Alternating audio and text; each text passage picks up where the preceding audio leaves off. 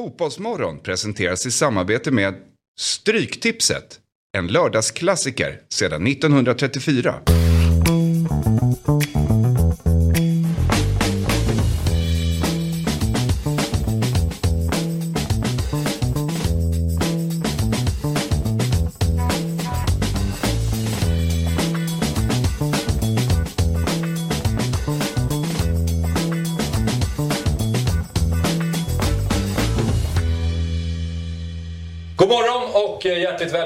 Till Fotbollsmorgon lördag. Jesper Hoffman är tillbaka i studion. Fabian Ahlstrand fortfarande på vift. Ska prata med honom senare i programmet. Sabri Sovac är här. Och så har vi Viaplays stjärnprogramledare Jennifer Kücükaslan i studion. Varmt välkommen hit. God morgon.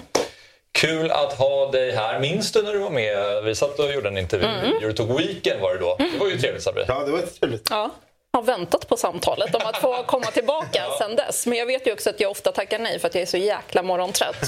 Så jag får väl skylla mig själv lite grann. Jag har ju ryckt till Quisaleta. Ja. Men där har det varit Där var det tydligt, tydligt nej. nej. Verkligen. Och då är det ändå en frågesportsdrottning. Ja. Men eh, fotbollen vill du inte röra än? Nej, det, jag har mer att förlora där känner jag. Mm. Eh, men jag kunde också skylla på att så här, Ah, det är så många andra inspelningar nu, ni vet. Alla mot alla, På spåret. Liksom lite drygt på det sättet. Så jag, jag, jag hinner inte med det här också. Nej, men eh, det kom... Nej. Nej, jag, jag, har hört att jag kanske kommer att quizas lite grann här nu ja, idag precis. också. Ja, så vi får väl se hur det går. Ja, exakt. Men På spåret drog jag alltså igång igår, då, eh, den nya säsongen. Hur, eh, utan att avslöja mm. någonting, hur har det varit att delta i På spåret? Nej, men alltså kul ändå, det kan jag säga nu några veckor efter att mm. inspelningen har varit.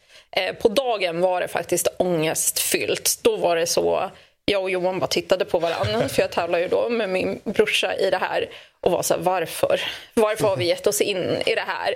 Eh, så vi, vi mådde rätt dåligt den dagen. Men sen när vi väl var igång och hade gjort det så, så fick vi faktiskt mer smak och var så här, mm, kan sakna På spåret-inspelningen lite grann några dagar senare. Och så där. Ja. Nej, så det var, det var kul. Det måste ju vara en oerhörd stolthet att få göra det tillsammans med sin bror. Och I ett sånt, jag menar, vi hade våra eh, små frågesportprogram och Alla mm. mot alla kommit men mm. På spåret är ju nummer ett. Alltså, det är ja. ju väldigt folkkärt program. Jag, jag, tycker alltid det där är så svårt eh, för man vill inte heller bygga ett jäkla lekprogram i tv till någonting mer än vad det är. Mm. Samtidigt är det ju typ en, en tv-institution och det är ju lite mm. så här, det finns ju några grejer i Sverige som det känns så lite hedersamt att få frågan om. Eh, sommarprat på spåret är ju typ uppe där på den Absolut. nivån. Och som du säger, att just göra det med eh, brorsan också. Mm. Eh, extra speciellt såklart. Mm. Vet inte om det var det bästa valet av medtävlare, men, eh, men ändå.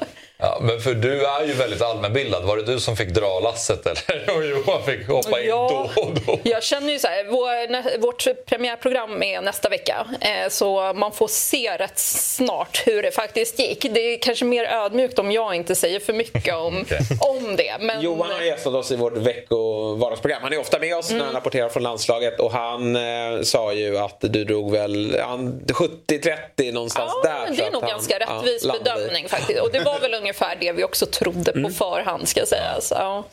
Men innan vi släpper På spåret då, hur, eh, hur, när man ser det, när första resan kommer och mm. man sitter där och man har den här, det måste ju vara en extremt speciell känsla. Mm. Hur sugen blir man på att dra ja. Hur rädd är man för att göra bort sig? Nej, men det, alltså man insåg eh, när man väl hade kommit in i det att det är mycket taktik inblandat också i. För det är ju verkligen så att drar man och har fel, då, då får man noll poäng och då är det ganska lätt att halka efter rätt snabbt mot en bra motståndare är, och samtidigt så här, är man för långsam så drar de och då måste man vänta till nästa poäng. Så det, är, det, var, det var många beslut man behövde fatta ganska snabbt. Eh, det, vi var inte alltid överens. Jag ska inte avslöja för mycket, men, men eh, Um, ja, mm. jag fattar. Men det, jag fattar. Ni är ni är syskon och vänner idag. ja, Man hört från dess. Ja, nej, precis. Ju farhågan inför att vad, vad ska hända med liksom, familjeron efter mm. det här. Men nej, tror att det förde oss samman på något sätt. Det är bra att ha fördelningen också. Att eh, Johan känner inför att men, eh, Jennifer kan nog lite mer här, mm. 70-30. Sen har jag känt, jag har ju varit med nu i eh, betydligt mindre program då, men i dels där jag har kört med Gusten. Där det är tydligt att Gusten, han kan mer än mig. Ja. Och jag tycker att det är lite jobbigare i den rollen för jag vågar inte riktigt gräva då. Eh, och jag förväntar mig också kanske med att Gusten ska kunna det. Sen har vi kört When We Were Quiz, eh, mm. som jag kör med Jakob Widell Zetterström. Mm. Och där har vi så tydlig rollfördelning i att jag är äldre än honom. Så 90-talsfrågor landar lite mer på mig. Där har jag ett ansvar. Medan han är lite mer up to date när det kommer till 00 och 10-talsfrågor. Liksom. Ja. Så det är ganska skönt att kliva in med en, vad man vet att man ska kunna gräva i. Ja, och det som var skönt med att tävla med någon man känner så väl är ju just att så här, vi behövde knappt fråga så här, kan du det här? Utan man visste på något sätt att så här, du tar den här, jag tar den här. Eller så här, du säger ingenting här, så tar jag den här. Eller så här, ingen av oss kan det. Vi behöver inte ens försöka. eh, medan, alltså i Alla mot alla till exempel har jag ju tävlat med eh, Erik Blix, journalist som jag inte kände innan. Otroligt kompetent och kunnig. Mm. Men det blir ju speciellt att första gången träffas i ett sånt sammanhang. Man ska kompromissa man ska vara lite artig, man ska säga att så här, du har säkert rätt fast man kanske tror att det här var fel. Med Johan kunde jag ju vara hur tydlig som helst och bara så här, tyst! Du förvirrar mig bara. Du har fel, det du säger är fel. Sluta! Alltså, så här, jag kunde ju vara mycket mer effektiv i, i mitt resonemang. Liksom. Det kan jag tänka mig bli underhållande tv också att få ta del av. De hävdar det i alla mm. fall, mm. produktionen. De, de sa att det var väldigt roligt att ja, följa oss. Eh, så det ska bli spännande att se, se det faktiskt. För vi... se första avsnittet med hela familjen Ja, jag tror att det är planen ändå. Eh, vi får väl se. Det känns som att vi kommer behöva liksom pausa var tredje sekund för att någon överröstar den andra och försöker liksom så ah, men det var inte så det gick till, eller så här, varför svarar du inte det där? Och så, där. så vi får se. Men eh, jo, det ska bli kul. Mm. Om SVT hade ringt, frågat vill ni vara med På spåret? Nej, aldrig. Jag säger så här, man ska inte spela ner, du säger så här, vårt lilla program. När man väl sitter där, oavsett, ja. alltså det räcker ju med, beroende på hur man är som människa, att spela sällskapsspel hemma. Aha. Eh, det är ju på allvar i stunden liksom. Ja, och sen är man ju en eh, tävlingsmänniska också. Man vill göra bra ifrån sig och man har känt i några program att där var jag svag, det där mm. kunde jag gräva fram. Medan man i andra prestationer, även fast man kanske har förlorat, känner att Nej, men där gjorde jag fan en bra insats. Det där svaret kunde jag inte gräva fram, men jag, jag stod för det. För det handlar mycket om att resonera sig fram. Eh, Fritzson, eh, Fritte är med mm. i eh, det här We Were Quiz och han är ju extremt allmänbildad. Han kanske inte kan lika mycket om fotboll men jag, hans, han resonerar sig fram ja. på ett jäkla läckert sätt. Så man, ja, men det är ofta det att man ska quiz. väcka associationer hos ja. den man, man tävlar med. För nu, helvete vad jag har varit runt. Jag var med i Jeopardy också av någon märklig anledning. och där är man ju själv. Och mm. där märkte jag just skillnaden på att faktiskt vara i par mm och kunna bolla med någon kontra att faktiskt behöva stå för någonting helt ensam. Mm. Det är mycket, mycket värre. Ja, det kan jag tänka mig. Men du, hur trivs du med livet som programledare? eh, superfint just nu. Det är, det är en ynnest att ja. få ha den här rollen och det här jobbet. Det är roligare än någonsin för att jag äntligen känner att jag liksom har blivit varm i kläderna. Det ja. tog lite tid, men nu, nu känns det väldigt självklart. Känner du, Kände du inte det i början? Eller? Nej, gud nej. nej. Alltså, det var så mycket nerver och, och inte så mycket ångest, men bara så en vetskap om att det här kommer ta tid. För jag hade ju inte gjort programlederiet och sen plötsligt satt jag i Premier League-studion mm. eh, och skulle liksom efterträda någon som var bäst i Sverige i den rollen. Så det var ganska mycket uppförsbacke. Mm. Inte så att jag inte tänkte att så här, det, kommer in, det kommer bli bättre, men jag visste att det skulle ta den tiden tar. Mm. Eh, och nu känner jag ändå att jag har kommit, kommit ja. dit. Så det, mm. Jag tänkte också fråga dig, alltså, du hamnade ju i en extremt tuff situation såklart nere i, i Bryssel när terrordådet skedde där precis innan matchen. Och eh, sen när ni står där och pratar i halvtid och får reda mm. Eh, på det här. Alltså, obegripligt att sätta sig in i det. Du hanterar det på ett briljant sätt. Ja, men, men eh, hur var det från ditt perspektiv? Ja, nej, det var, det var ju speciellt såklart. Man har ju aldrig ens varit i närheten av en sån situation tidigare. Um, men det som var lite skönt för vår del var att vi alla faktiskt gick in i jobbmode. Jag vet inte om det var att vi inte förstod allvaret i det omedelbart vilket gjorde att man på något sätt jag vet inte, inte hamnade i någon sorts skräck skräckkänsla. Alltså, mm. eh, jag tror inte någon av oss som stod där i studion upplevde att det var något särskilt hot riktat mot oss egentligen förrän mm. vi faktiskt fick beskedet om att vi var tvungna att, stänga ner och ta oss inomhus på arenan. Um, så det var egentligen bara väldigt mycket var, försöka vara i stunden och sortera bland informationen ja. som kom. För det var ganska lite av den varan rätt länge. Så det var också så svårt att förstå hur mycket har det här faktiskt något med oss att göra. Först fick vi bara mess om eh, skjutning i Bryssel och då tänker man ja det är i närheten men det har inget med oss att göra. I nästa steg var det svenskar och som tredje steg var det de har landslagströjor på sig och då klickar ju ändå att så här, det är det här vi kommer att prata om i, i studion ja. efter paus och det kommer sannolikt inte spelas någon mer fotboll Nej. den här kvällen. Så mm. det, det var flera steg i det. Ja, men det, jag minns det också så väl. Alltså, man, matchstart 2045, jag kommer ihåg, jag scrollade ju rätt mycket på Twitter mm. och man, 2030 nåddes man då utav det.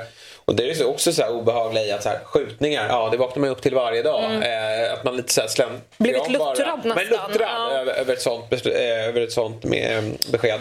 Och sen då landslagströjor, då tänker man oj vilken otur att de har varit i vägen för en, för en galning mm. bara. Men sen då börjar man liksom ja. under halvlekens gång koppla ihop det till att nej men shit, det är ju faktiskt mm. ett hot mot Eh, mot svenskar. Mm. Vilket gjorde det väldigt obehagligt. Men, men otroligt imponerande av hur ni skötte den här eh, halvtidsvilan. Eh, men hur, eh, vad gjorde ni under första halvlek? Liksom? Vad, vad blev ert arbete då? Ja, alltså så här, som sagt det tog lite tid faktiskt mm. innan jag förstod att eh, det här var någonting större. Eh, så vi satt ganska länge och planerade för, ja. inte en helt vanlig halvtidspaus. Vi förstod liksom i samråd med min producent då att Eh, vi kommer behöva prata om det här i paus, mm. men efter fem minuter kanske vi går vidare till att analysera första halvlek. Där var vi rätt länge ska säga. Så liksom Fredrik Ljungberg satt och kanske tog ut analys på matchen och sådär medan Erik Niva ändå fick i uppgift att uh, hålla dig uppdaterad. Och, okay. liksom, han är ju expert på att uh, eh, scrolla i Twitterflöden och hitta liksom, det som är rätt och det som okay. är sant och så. Mm. Eh, och samtidigt satt jag såklart också och ändå gjorde samma sak. Mm. Eh, så egentligen från kanske 20 matchminuten och framåt så handlade det bara om att försöka få fram så mycket info som möjligt och för min del att sortera ut den och vad kan jag säga som jag faktiskt vet stämmer mm. och inte. Um, vi hann inte prata ihop oss supermycket okay. heller. Utan det var mycket så att nu går vi in och så får vi berätta det vi vet och kanske det vi också ser ja. eh, på arenan. Måste, måste, eller, mm. Nej, men det, var, det, var, den arenafrågan jag tänkte mm. när ni ändå stod där. Började ni känna av då där inne då att man såg så att, att det var en mer rädsla bland publiken? ja, folk... nej. Alltså det överraskade. Jag tror att det var det som faktiskt hjälpte på ett sätt att man inte hamnade i någon sorts chock eller så. För att det var så himla lugn stämning bland alla supportrar, både bland svenska och bland de belgiska. Ehm, alla höll sig lugna, vilket var så skönt att eh, liksom i stunden att det inte uppstod någon form av kaossituation och panik. Alltså folk försökte inte lämna arenan eller sådär. Ehm, däremot märkte vi av ehm, att liksom, vakter och säkerhetspersonal och till och med beväpnade poliser började liksom, ta sig in på vissa områden. Vi satt ju precis nedanför um, läktaren där liksom hela den svenska staben sitter och där Reinfeldt satt och sådär. Så man, man märkte ju av att det var någonting som pågick och jag såg liksom säkerhetschefen verkligen springa fram och tillbaka och försöka informera alla och sådär. Um, så det var ju lite orolig stämning just på den delen av läktaren men det var ju för att hela media eh, pressuppbådet ja. satt just där. Jag tänker också i din roll då som programledare, när man har väldigt knapphändig information och man inte har någon fotboll som man kan landa mm. i, för då blir det helt fel. Då, då blir, jag tänker att det måste vara svårt i din roll, så här, men vad ska vi... För man, man kan inte riktigt prata om händelser, man vet inte heller allting. Nej, och det var... Jag vet ju själv hur det är att sitta hemma i ett sånt där läge. Alla är vi väl likadana numera. Att man, man letar information mm. eh, och man vill bara få uppdateringar hela tiden.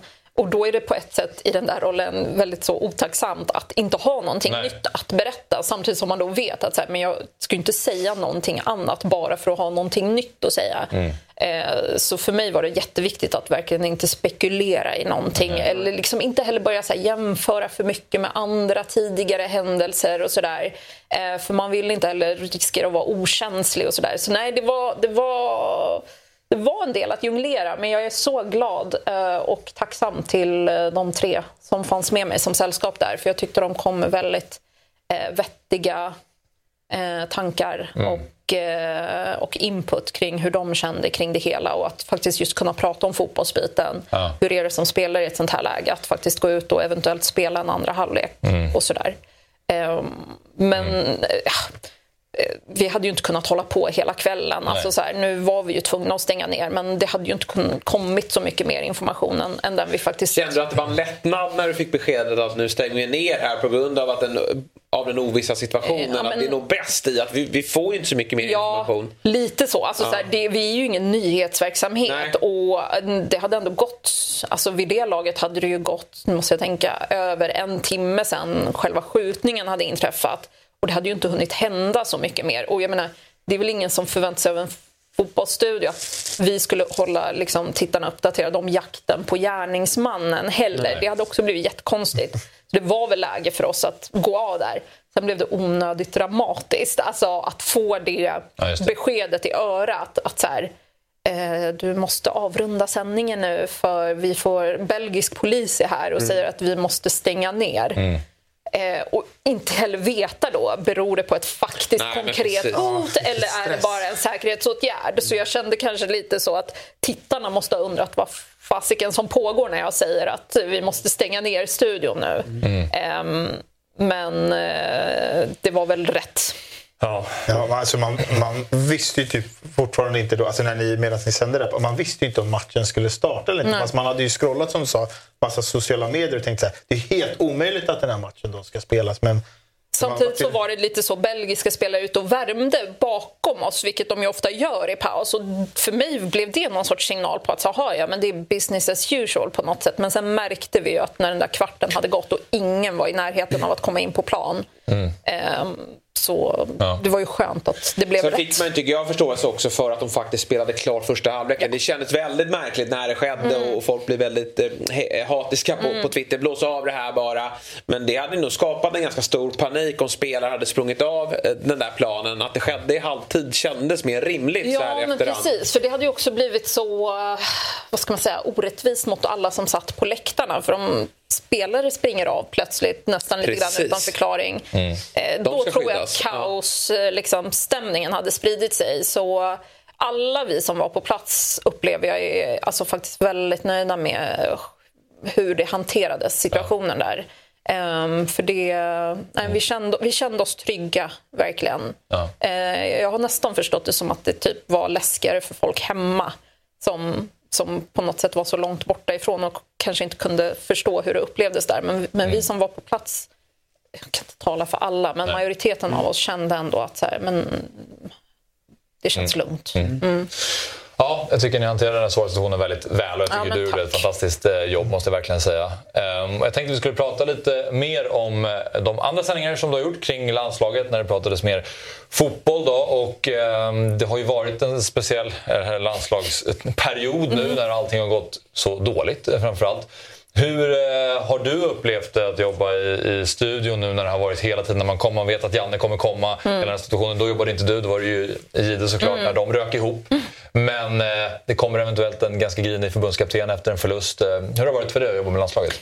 Eh, Nej, men alltså tajmingen sen vi faktiskt började med de här landslagssändningarna, det var ju när Nations League började, eh, har ju inte varit optimal. Alltså, Vi har ju inte haft så många vinstmatcher för svensk del eh, sen vi tog över den här rättigheten. Så det har väl varit en blandad känsla. Ska jag säga. Alltså, det är ju det roligaste som finns såklart, att jobba mot landslaget. Det är ju det folk i Sverige brinner för allra, allra mest. Men det är klart att det hade varit ännu roligare om eh, prestationerna hade varit bättre och resultaten bättre och att man slapp stå där faktiskt och älta gång på gång. Vad är det som har gått snett? Varför blir det inte bättre? och sådär. För jag tror att vi alla börjar känna oss som ganska repiga skivor nu vid det här laget. Att så här, när man ska älta, ja, men verkligen älta och försöka förklara ehm, vad det är som inte funkar just nu. Um, så nej, det har, varit, det har varit lite mer uppförsbacke nu de, de senaste samlingarna. Och sen är det ju en förbundskapten som har skött det på ett ganska dåligt sätt de här motgångarna. Det har ju varit eh, som sagt en repig skiva och att han någonstans inte har kunnat eh, liksom, se någon, någon eh, självkritik och, och uh, ja, liksom lyfta de här problemen som vi har på ett annat sätt. Utan mm. att det har varit den här, som man ser här, uh, högröd, uh, ilskna farbror som har klivit i studion med tron att det kommer stå tre eller fyra personer här för att liksom sätta dit mig. Mm. När man egentligen bara vill ha svar på, på de frågorna istället. Laguttagning och eh, vad det är som har gått snett och, och vad vi kan göra bättre framåt. Mm. Så det känns som att Janne när han har klivit i studion har bestämt sig för att nu kommer de stå här och vara förbannade på mig och jag ska hålla ett försvarstal. Ja, jag tänker liksom inte recensera honom Nej. allt för mycket. Eh, för jag känner samtidigt så att så här, eh, vi har egentligen bara bett om en sak och det är att han ska komma och, mm. och gästa studion efter match. Det är inget tvång från vår sida utan så här, det är ett önskemål mm. och hittills har de liksom sagt ja till det och han har fått komma dit frivilligt varje gång. Eh, vilket jag uppskattar att han faktiskt fortfarande ändå gör med tanke på eh, det som hände eh, mm. med Bojan och sådär.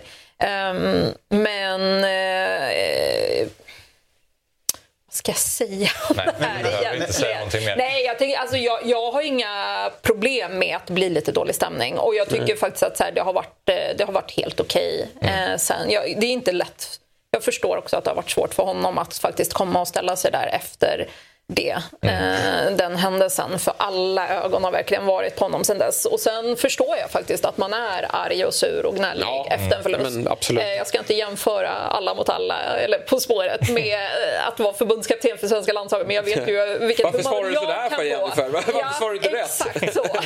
jag vet vilket humör jag kan vara på ja. efter en, en förlust. Eh, men jag tycker att det är lite synd kanske att det ändå har uppfattats som att vi har varit ute efter att sätta dit honom när det är som du säger att vi egentligen bara har velat ställa frågorna som de flesta undrar. Ja, men exakt. Jag, jag, jag tycker liksom så här, älta och ställa mycket frågor. Ni frågar den frågan som majoriteten av hela svenska folket frågar. Så det, det, det är inte så här, det här är Viaplays frågor. Det här är de tre eller fyra stycken. Det är alla, de där frågorna är ju våra frågor. Och det där är liksom den stunden vi får att höra liksom vår förbundskap mm. förbundskaptens svar. Så när han, när han typ blir grinig på er, då blir det, det blir inte heller rättvist någonstans. Ni är ju bara ni är ju vår röst. Ja, och det är lite, men det, det, är svårt, det går inte att vinna riktigt har jag också insett. För ibland, eller ofta med liksom fotbollsspelare och fotbollstränare inte bara Janne så upplever man att eh, de tycker att journalister ställer dumma frågor och mm. kan ingenting om fotboll. Och hade du spelat fotboll så hade du vetat att, så kan man föra. Eh, och nu har vi tre experter i studion som har eh, liksom, bra meriter och Lasse har ju till och med haft samma roll och sådär. Och då duger det inte heller, utan då är det så att de tycker för mycket och det. Eh, gör det bättre själva. Då. Så det... Mm. Ja.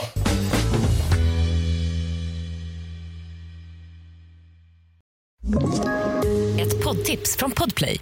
I podden Något Kaiko garanterar östgötarna Brutti och jag, Davva, dig en stor dos skratt. Där följer jag pladask för köttätandet igen. Man är lite som en jävla vampyr. Man har fått lite blodsmak och då måste man ha mer. Udda spaningar, fängslande anekdoter och en och annan arg rant. Jag måste ha mitt kaffe på morgonen för annars är jag ingen trevlig människa. Då är du ingen trevlig människa, punkt. Något kajko, hör du på podplay. Därför är gardinerna. Men, men eh, nu kommer Janne inte längre vara förbundskapten för Sverige idag och det spekuleras friskt i vem som ska ta över. Mm. Eh, en av, eh, ett namn som dyker upp ibland är ju din kollega Fredrik Ljungberg. vad tror du om honom som förbundskapten? Jag tänker att du känner honom hyfsat väl. Ja, men det gör jag. Däremot, alltså så här, man har ju inte så mycket att gå på vad gäller faktisk liksom, tränarerfarenhet och, mm. och så. Men eh, av det jag har liksom lärt känna honom så vet jag att eh, det finns ju få människor som tänker på fotboll lika mycket som han gör och verkligen just tänker på det taktiska. Alltså det är, han brinner för det så mycket och går ner på liksom nördnivå och verkligen detaljstuderar allt. Och att han faktiskt är väldigt passionerad och brinner för att just jobba med unga spelare. Eh, och nu har vi ju ett landslag som är liksom i förändring och där det kommer in mycket nytt och sådär. Så han har ju det med sig i bagaget.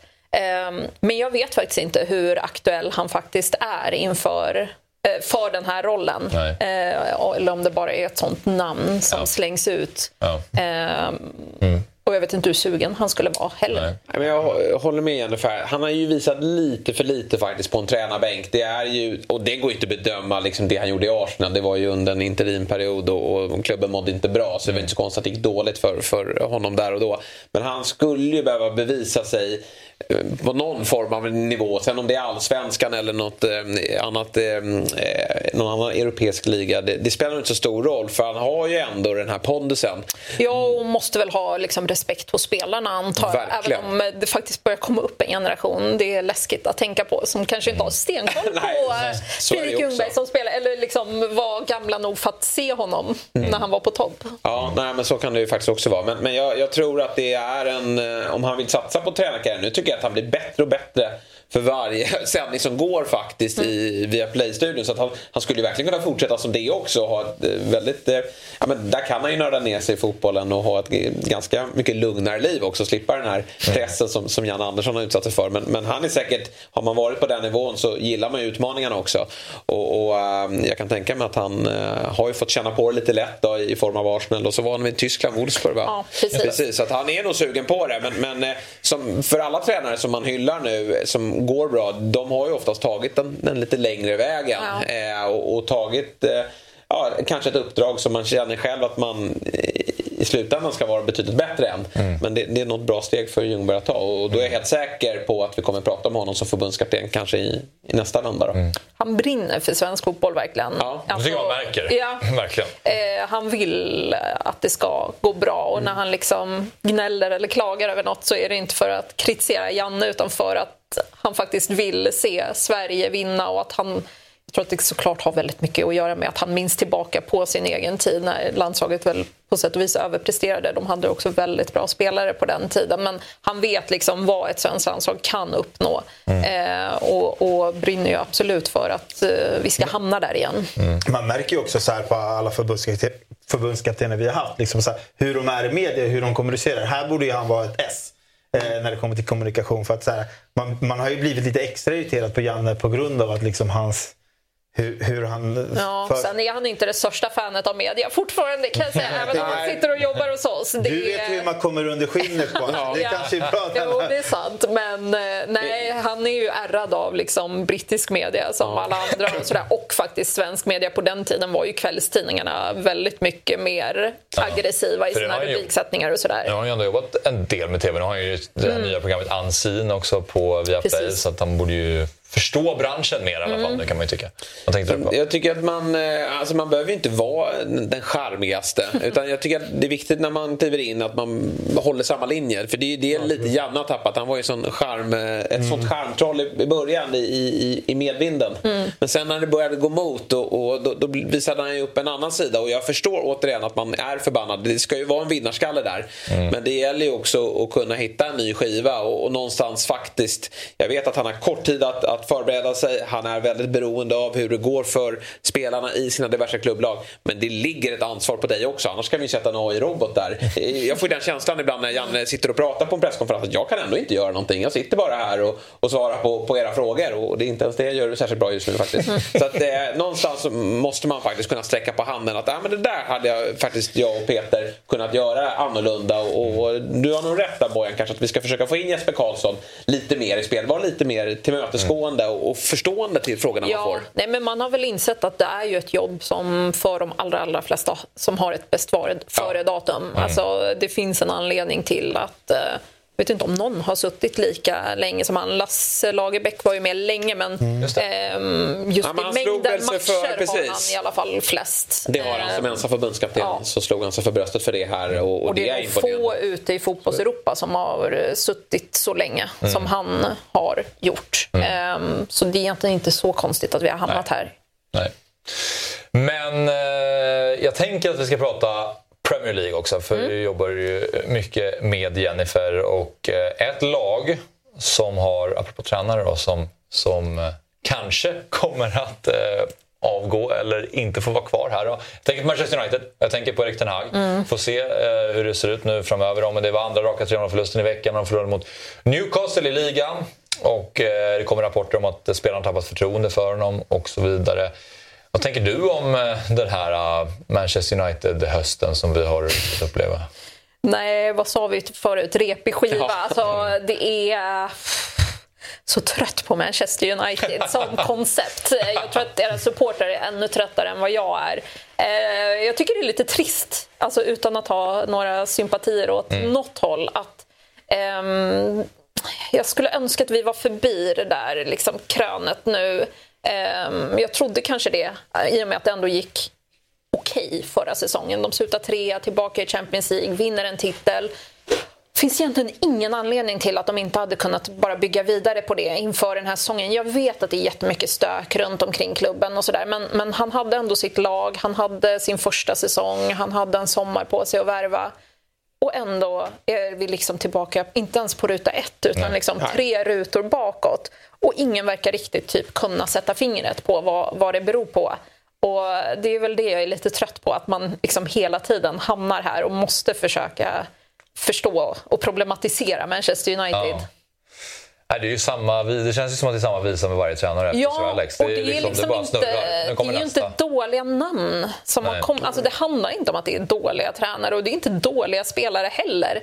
Hade liksom hälften av dem som har värvats gått till City eller Liverpool eller Arsenal för den delen mm. tror jag att de hade levererat på toppnivå. Utan det är ju verkligen det här som är omöjligt att sätta fingret på. Bara någonting i kulturen som gör att alla blir lite sämre på sina jobb när de kliver in.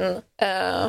Ja, då får de ändå väldigt bra förutsättningar. Att tränare har ganska mycket, till, mycket att säga till om i Manchester United. Varje tränare som kommer får ju ta in sina typer av spelare. Och man ser ju på Ten Hags liksom värvningar. De han har gjort, de, det har ju liksom inte slagit ut. Alltså de som fortfarande är bäst i United, det är de som i princip har varit där innan. Då. Det är Rashford, det är Bruno. Så alltså Anthony, det är en Casemiro i år, det är inte heller samma nivå. Så liksom så här, Amrabat, ja, men alltså, vad är det? Alltså, det har blivit lite för lätt, tycker jag, att ta sig in i Manchester United. Alltså, för den storklubben den var. Vad gör en spelare som Amrabat där? Så, han är bra, men det är på ett alldeles för enkelt sätt man får liksom komma in och spela i United. Och det, Ja, men jag, var, jag, var, jag jobbade ju med damfotbolls-VM i somras och var ju iväg eh, på andra sidan jordklotet med all tidsskillnad som var fullt fokus på det och så han Premier League började. Så jag tappade lite kollen på vad som hände i transferfönstret under några veckor. Och så kom jag och såg och bara Amrabat, försökte förstå, så här, är det här, läser jag rätt? Alltså så, verkligen gnugga ögonen. Eh, jag håller med, men det jag upplever har liksom lite förändrats nu de senaste veckorna, månaden med United del, det är just faktiskt att Ten Hag som person är satt under lite mer personlig press. Mm. Tidigare har han liksom ursäktats med att klubben mår inte bra och han har inte rätt förutsättningar. Men, men det är ju som du säger, det är ju faktiskt han som har tagit in väldigt många av de här spelarna och det är hans spelare från Holland liksom Eh, och trots det har han liksom inte fått det att funka. Och sen blir det problematiskt när det dyker upp en annan gubbe, i, i, i visserligen i London då, jag tänker på Postecoglou. Mm. Eh, för det, det, man pratar om då kanske är att ja, men vi måste ge den här tränaren tid, han måste få eh, liksom, sätta sin idé och det har varit, det är väldigt mycket som är rörigt runt omkring Manchester United och, och det måste ta tid att bygga upp. Men, men så kommer Postecoglou in i ett spår som, ja det kanske inte är lika rörigt, de har ju en ny arena och en bättre träningsanläggning och, och haft en ja, han är inte omtyckt Levi, men, men det finns ändå en sportslig organisation eh, runt omkring där som har eh, ändå mått bättre än Uniteds. Men han kliver in. Han har ju inte fått peka ut några värvningar utan han tar ju tag i de här gamla värvningarna som, som Conte och Mourinho har, mm. har tagit in.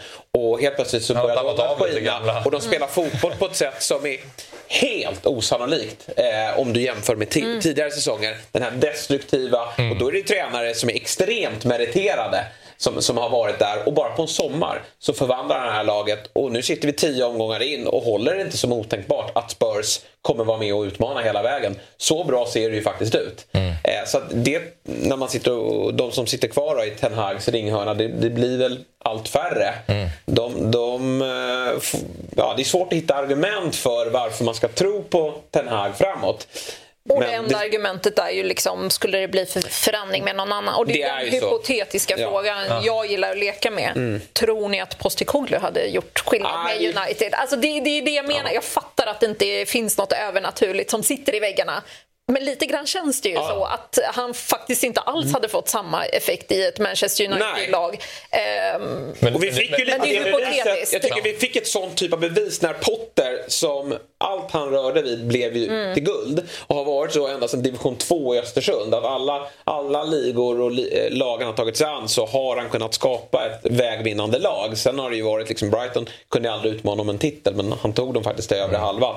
Han kliver över till ett, ett sjukt Chelsea och inte ens han kunde faktiskt få ordning på det. Så ja, ja, det är ju väldigt mycket i den där klubben som är så, eh, mår så dåligt som leder till att det är ett extremt svårt uppdrag att ta sig an. Men det är ju just typ Postecoglou-människor eller mm. Jürgen Klopp som kliver in i en klubb som mår ganska dåligt och mm. förvandlar ja, ja. över en säsong som mm. gör att de kanske kommer sparka honom ännu en, en mm. gång. För att de tänker Exakt, att snart finns. så kommer vi få ja. den där tränarträffen. Ja, men, och då kan det hända grejer. Ja, men det känns också så här, det är ingen rök utan eld. Alltså, vi såg ju hela situationen med Ronaldo. Alltså, de situationerna han har varit med om i United. Det är ju dels med Ronaldo och det är dels med Sancho. Alltså, det är spelare som går ut och liksom sågar totalt och skriver dagböcker om hur illa de är behandlade. Alltså, det är så här, någonstans får man väl... Det var ju mycket skit på Ronaldo. Det var inte ens 50-50 där. Men nu gör ju Sancho samma sak. Alltså, det, någonting är ju med Den Hag där skon klämmer lite. Han är ju inte helt fläckfri. Och nu, jag börjar känna att han kanske inte riktigt var det med Ronaldo heller. Sen vet vi ju alla hur Ronaldo kan bete sig. Men det gäller att få med sig en grupp. och liksom så här, det, det är ju andra problem med liksom Anthony. Han hade sitt problem när han åkte till Brasilien. Det är mycket som är lite så här, jag vet inte. Eh, rent hur han kopplar med spelarna på ett personligt mm. plan. För att de, det, det, är många som verkar ha liksom problem. Alltså, Maguire är ju egentligen mobbad. Och då är det är också en svår situation för en tränare. Liksom, för varje gång han går ut och tar tag i Maguire så är det som att han försvarar sitt lilla barn, sin son. Och det blir ju larvigt på något sätt också när han sen eh, kastar Sancho helt under bussen. På, i nästa meddelande. Så jag, jag blir lite såhär, vem är den här personen? Jag blir lite såhär, vem är han? Jag, jag, kan liksom inte riktigt... Nej, och han ger ju inte riktigt det intrycket heller när man hör honom prata av att vara liksom... Alltså, auktoritet tror jag absolut att han kan liksom ta ton och ha starka åsikter men inte på det där sättet som manar till kamp och där man liksom eh, får ihop laget och spelarna tillsammans. Jag vet inte, det är som med ett schackbräde som man bara skulle vilja alltså verkligen så, rensa ja. Manchester United och bara börja om från noll. Det går ju inte att göra det. Eh, men det är ju typ det som skulle behövas mm. i den klubben. Men sen tror jag, det är väl Gary Neville som lyfter det ofta, alltså det, det, det är en infrastruktur som måste förbättras också. Jag tror att en sån sak som att Carrington är ju den träningsanläggning som, du, har du varit där? Mm. Ja, den är väl, om du jämför med andra Premier League-klubbar, väldigt svag. Ja, den ligger efter lite grann numera. Ja. Alltså, så här, den visuellt fräsch och fin men man har ju fattat att de inte riktigt eh, har samma faciliteter som eh, de andra. Liksom, som de, väldigt många av just toppklubbarna ja. har ju liksom renoverat okay. eller till och med flyttat på senare år. Ja, och jag, det är ju sen bortskämd den är säkert jättebra jämfört med, med ja, bara svenska mått men den är säkert jättebra. Men jag kan tänka mig att det kommer spelare från, från världens olika hörn och så kommer de till United och, och ser det. Jag tror att så här, ett nytt hemvist också är en sån där sak ja. som bara att ägaren visar allvar. Att nu, nu liksom får ni en ny vardag att befinna er i och här kan ni, liksom, det finns ingenting att klaga på här. Jag tror att de signalerna, för det är ändå världens tillsammans med Real Madrid, mm. mäktigaste klubb, största klubb vi pratar om. Och nu har det faktiskt gått tio år. Nu måste man ju tagit, ta tag i kärnproblemet. Och jag tror att Ten kan aldrig rädda det här. Men i samband med att man gör en förändring där, om det sker nu eller om det sker i, i sommar, så måste man ju eh, få ordning på ägarfrågan, man måste få ja. ordning på infrastrukturen, man måste få ordning på den sportsliga ledningen. Det måste ju bli ett rejält omtag här nu, för det mm. finns ingen eh, snabb lösning på det här. Nej. Nu ska vi quizza.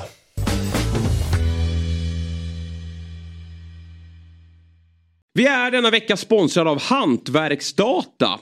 Ett målbaserat affärssystem som hjälper över 100 000 hantverkare varje dag. De hjälper hantverkare att digitalisera sin vardag. Precis, vilken grej! Och vi kliver in i en period nu när det är matcher i de största ligorna och Europacuperna mest hela tiden. Såväl vardagar som helg. Så med hjälp av hantverksdata sparar man tid och pengar för att hinna se alla matcher. Och Fabbe, om man bortser från de här korpmatcherna du kollar på och fokuserar på de större ligorna. Hur många matcher ser du varje vecka? Ja, men jag skulle nog säga att det är minst tio. Ibland fler. Så då gäller det ju att vara väldigt effektiv. Jajamän, och Hantverksdata har hjälpt hantverkare att spara tid och pengar i över 50 år. Allt är samlat i samma system där du hittar lösningar för bland annat order, projekt, service, lön och lager. Du behöver bara ett system för att effektivisera din vardag. Nämligen det från Hantverksdata. Av hantverkare, för hantverkare. Vi säger tack till Hantverksdata som är med och sponsrar Fotbollsmorgon. Då ska vi börja med det moment i På spåret som tror heter närmast vinner. Inte helt säkra. Men eh, jag och Kalle har då eh, plockat fram tre stycken arenor och eh, vi har bett dig då Jennifer att sätta ut dem på en Europakarta. Var de finns någonstans. Och du har fått en liten karta där och så kommer vi skicka upp en på skärmen här och så får du berätta för mig. Det är så här vi gör här. Att du får berätta var jag ska peka någonstans. Mm. Och då har vi Peka ut arenan, St. James's Park. Mm. Man ska liksom börja med att bara veta vilken arena det ens är. Eh, vi ska till eh, Newcastle alltså. Ja, det är korrekt. Ja, och eh, Newcastle har jag varit i. Ja. Jag har dock faktiskt aldrig varit på St. James's Park. Men jag vet att jag fick resa väldigt, väldigt, väldigt högt upp i England för det. På gränsen till Skottland nästan. Så du ser liksom var England är. Ja, och där är en liten inåtbuktning väldigt högt upp till höger. Pratar vi där, Nej, där, till där uppe till och med. Där, där tror jag liksom eh, gränsen kanske går okay. någonstans. Och då tror jag att Newcastle är... Strax under? Strax ja, men strax eller? under men fortfarande till höger. Ja, lite Uh, ja, lite högre och lite mer inåt. Ja, men typ någonstans. där någonstans. Jag får stort finger. Känns det som en vettig uh, Verkligen. Sabri, du är väl här någonstans? Nej, men jag skulle också säga det. Jag, hade nog, du har det, jag blir osäker på var gränsen går ja, för Skottland. Jag är inte heller men jag skulle nog säga att den går nog faktiskt så högt upp. Eh, och Stryktipset har ju en reklam på radio där någon får frågan vilket är Premier Leagues nordligaste lag och det är ju Newcastle. Mm. Um, så att jag hade varit där men jag skulle vilja besöka den arenan. Mm. I synnerhet nu då när, när Isak är där också för det, det är väl den bästa stämningen. Det verkar ju ha varit superhäftigt på Champions League-kvällarna ja. hittills eh, till exempel. Ja, jag föreslog ju, alltså, vill du ha den strax över eller strax under? Du vill inte ha den över, det, kan, det är Skottland då. ja, nej, det... Strax under är ju rimligt och jag tror att du är väldigt nära. Vi kollar på uh, facit då.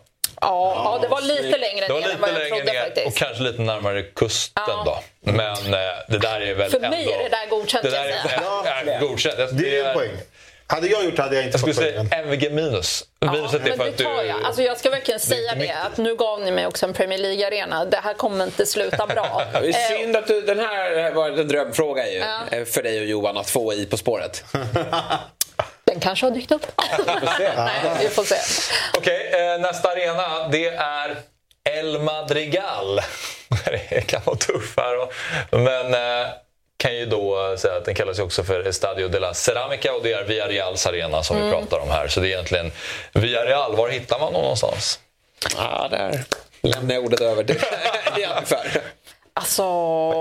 Börjar lite snällt med att det är Premier League. Nu tar vi ett steg upp direkt. Nej, men jag, alltså jag, jag skäms inte ens över att så här, kartor är inte min grej. Nej. Och jag eh, brukade orera med, fram tills för några år sedan, att jag kanske är den minst beresta människan i hela Sverige. Grovt överdrivet. Nu har jag inte riktigt den ursäkten längre, för jag har fått resa ganska mycket i jobbet. Men just Spanien är inte riktigt eh, ett land jag har varit i särskilt ofta. Eh, jag, Mm. Oj, vad jobbigt det här blev. Det, då, jag skulle bara, kunna liksom blunda. Ja, då är det bara chansa. Ja, på alltså- spåret är det ju närmast vinner och då är det ju egentligen ganska smart att bara vara någonstans i mitten ja. för då har man ju liksom lika långt överallt. Mm. Ska jag göra det här på egen hand? Ska jag inte ens be om liksom jo, livlinor här? Har ni någon känsla? Jag tycker absolut att ni kan snacka ihop i och med att de här ser ut att vara lika mycket frågetecken så kanske ni kan samarbeta. Men mer mot Portugal va, än kusten? Tror, vilka, ja. Mm. Nej, jag, jag Känner att ingen har nej, det känns nej, inte nej. inåt i landet i alla fall. Jag vet inte ens. Alltså, jag har ingen aning om vart jag ska. Jag, jag, jag det är ju då, det. Men det är ju då väldigt, nära, väldigt nära Valencia, men det kanske inte hjälper. Ja, Valencia har jag fan varit i. Ja. Och det var en lång jävla resa dit, känns det Tillhör ju typ nästan Valencia, Villarreal, det här mm. Området. Eh, Det är, ju, det är därför arenan är så liten, för att det är ingen stor... nu måste jag Ja, tänka. När jag reste till Valencia, vart var jag då? Ja, men vi har att göra med motsatsen. Vi ska inte mot Portugal, vi ska mot eh, östkusten. Och vi skickar väl eh, Ja, ni får... ner nålen, Kalle. Där har vi det. alltså, Ja, nej, det, alltså, vi får alla stå för att eh, det här kunde inte vi. Nej, bra. Men då vet vi det. Den här då, det här är större arena. Nu blir det... Ja, vi får se om det blir lättare eller inte. Men San Siro är vi på jakt efter här då.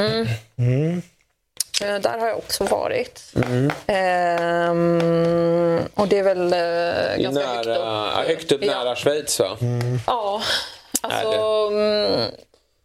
Måste jag Ja, tänka vart vi ska... högt upp lite ut till vänster. Ja, men Höger. så pass nära gränsen. Är det inte det? Jo, alltså jo. vi är så högt upp, men är Ja. det liksom jättenära? Nej, jag, tror att jag har Jesper har in bättre koll än vad jag har. i Schweiz. Ja. tog det tre timmar till, eh, från dörr till San Siro. Så Jaha. det är väldigt Ja, nära. okej. Ja, det är nära, alltså, det alltså. var, där du pekade någonstans. Eh, Uppe i nord, nordöstra ja, Italien. Där I- ja, är ganska spot on skulle jag säga. Lite längre Lite ut liksom, upp, kommer vi till Monza och till Bergamo. Då är det lite mer... Ja, jag tror att eh, ni är närmare Bergamo där. Jag tror ni ska till nordvästra i Italien. Och att vi är här någonstans. är det så? tror jag San Siro och Milano ligger. Men vi kollar var Kalle skickar ner nålen någonstans. Ja, där. Okej, jag Ja, var det inte är heller helt rätt. snuddar. Men eh, Någonstans där så.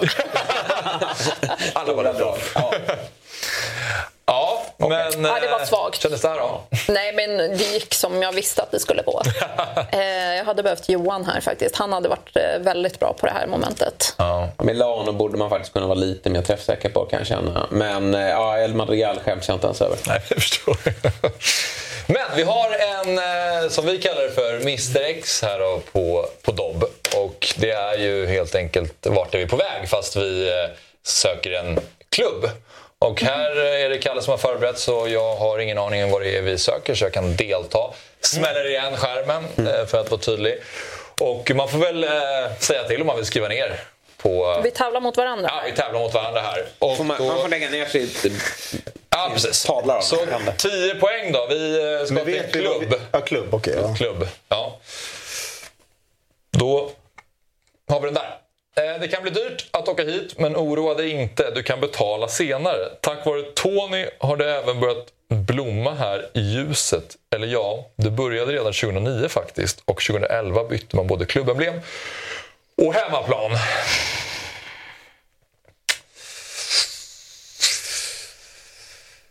Eh, Jaha. Eller ja, det började redan 2009 faktiskt. Och 2011 bytte både klubbemblem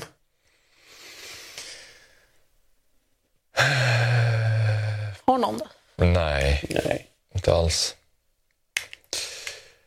Inte alls. Okej, åtta poäng då. Ja. Idag kommer det hit lag från hela Europa men det är faktiskt första gången någonsin den här säsongen som det gör det. Allt som krävdes var bara lite magi och en viss typ av mjöl för att få fart på laget. Svårt. Eh. Svårt. ja, jag rycker. Du rycker. Jag... Jag har liksom ingenting. Nej, det där är... Vad sa du? Det är fel. Ja. Okej. Vi provar. Vi provar, Det är modigt. Ja. ja. Sex poäng. Här finns influenser från både Ukraina och Japan, men även La Masia. Ah, Sydkusten och staden med två namn är verkligen populär och alla som kommer hit verkar bli värda guld efter en säsong. Eller två. Okej, då har vi ett svar här då. Ja, jag med. Jag med mig, jag är helt så livrädd att det är fel. Men det var det jag ville ta på åttan, så jag får eh, Nej, jag våga... Jag måste bara, förlåt, eh, läsa en gång till. Ja, kör. Jo, jo, jag kör. Eh, fyra poäng. Viktor och Yassin kanske låter som ett pojkband men det är faktiskt två svenskar som båda spelat för laget och hade bara Roberto kommit lite tidigare kanske Viktor hade lett skytteligan i Premier League just nu. Mm. mm. Och på två poäng. Från Östersund via Wales till hit eller från Sassuolo via Donetsk till hit verkar inte spela så stor roll. Båda vägar funkar lika bra för att det ska bli succé för laget som förra säsongen hade en VM-guldmedaljör i truppen och som denna säsong förlitar sig på vad en viss japan vid namn Mittoma kan hitta på ut till vänster. Mm. Vad svarade du då på 8 poäng? Ja, men jag tog faktiskt Brighton. Ja, Oj! Right. Mm. Bra. Mm. Ja, jag hade också Brighton. Ja. Brighton. Det, känns, oj, det känns ändå skönt att ja, hade det. Ja, jag var inne på det, det på första säsongen ute i Europa. Då ja, kändes det så. Jag... Men jag lyckades liksom inte koppla de övriga ledtrådarna. Men ljus, bright. Eh, ah. Eh, då kunde jag Ordvitse. dra en, ja, lite den kopplingen och att eh, Ja, men jag vet inte hur gammal Amex Stadium är, men ah, den känns ju ganska Men också betala senare. Ja, Betala senare. Ja. Klarna var jag inne på. Någonting där. Jag bara, vad är det här för någonting?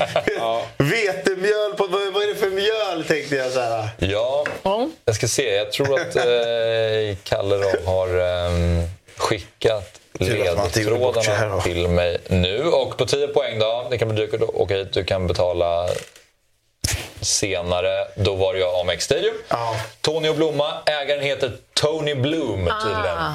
hade jag ingen aning om.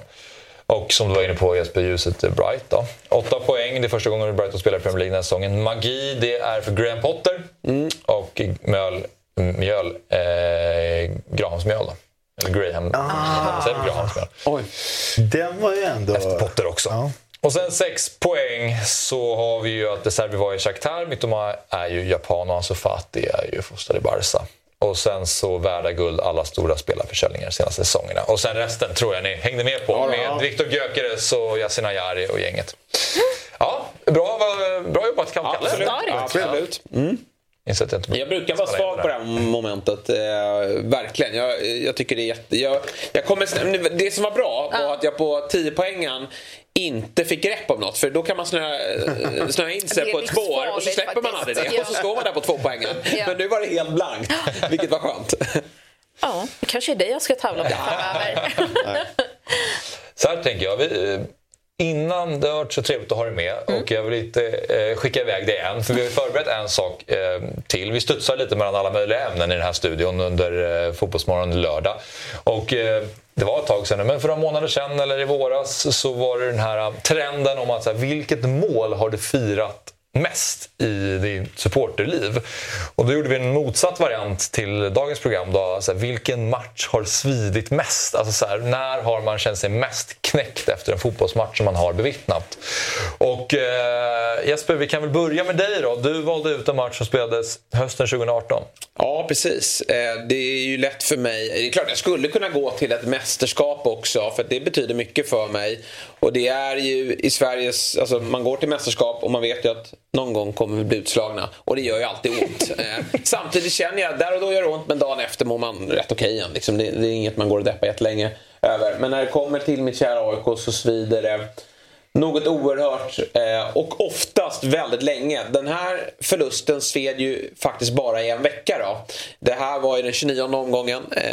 Eh, 2018 då AIK, mitt kära AIK hade alltså möjligheten för första gången för mig, ja, 98 fick jag tyvärr inte gå. Jag var 13 år gammal. Ehm, jag fick inte gå på avslutsmatchen. Eh, min pappa är djurgårdare så han satte väl stopp där. Och jag fick inte gå själv. Så jag ehm, fick inte möjligheten att uppleva guldet på plats. Så det här var liksom min första möjlighet att kunna säkra ett guld Eh, på hemmaplan. 50 eh, 000 sålda.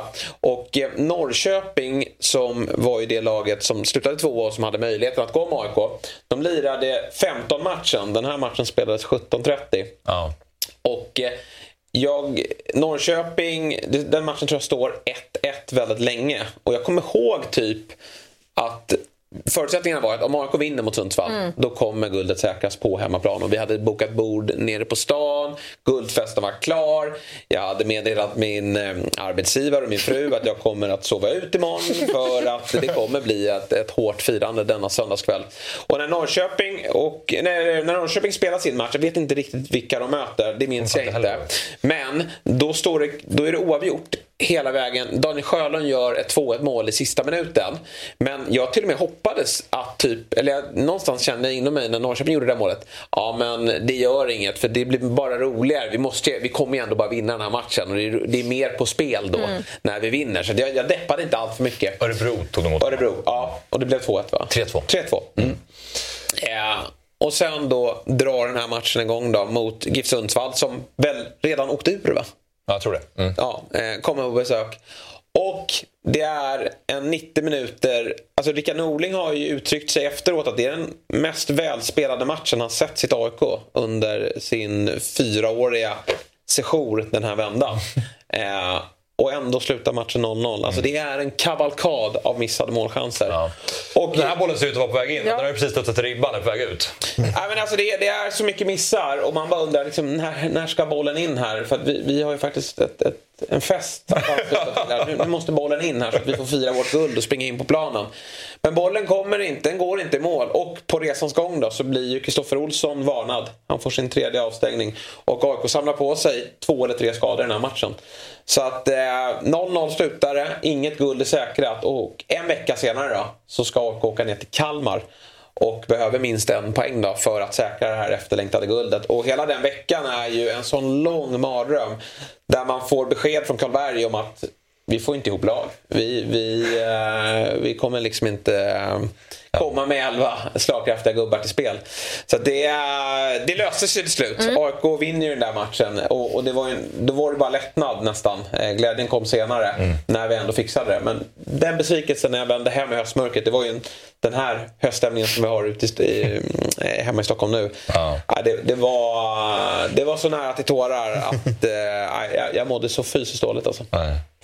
Ja, jag minns det mycket väl. Ja, jag, jag, allt du beskriver känns väldigt... Men det var väl just det där att det fanns fortfarande en... Eh, det var, det var, det var inte så att de missade SM-guldet. Det, det, det, det Absolut. Det var ett Kalmar som också eh, var svaga den här säsongen och hade gjort en jättedålig höst. Men just de här med alla avbräcken och man varje morgon, man har svårt att sova hela den veckan och alla bara liksom hela, alla tidningar, nu tappar AIK guldet. Vi, vi, hade ju en ledning tror jag, på 8 poäng eh, tidigare under hösten. Mm. Vi hade börjat rada upp.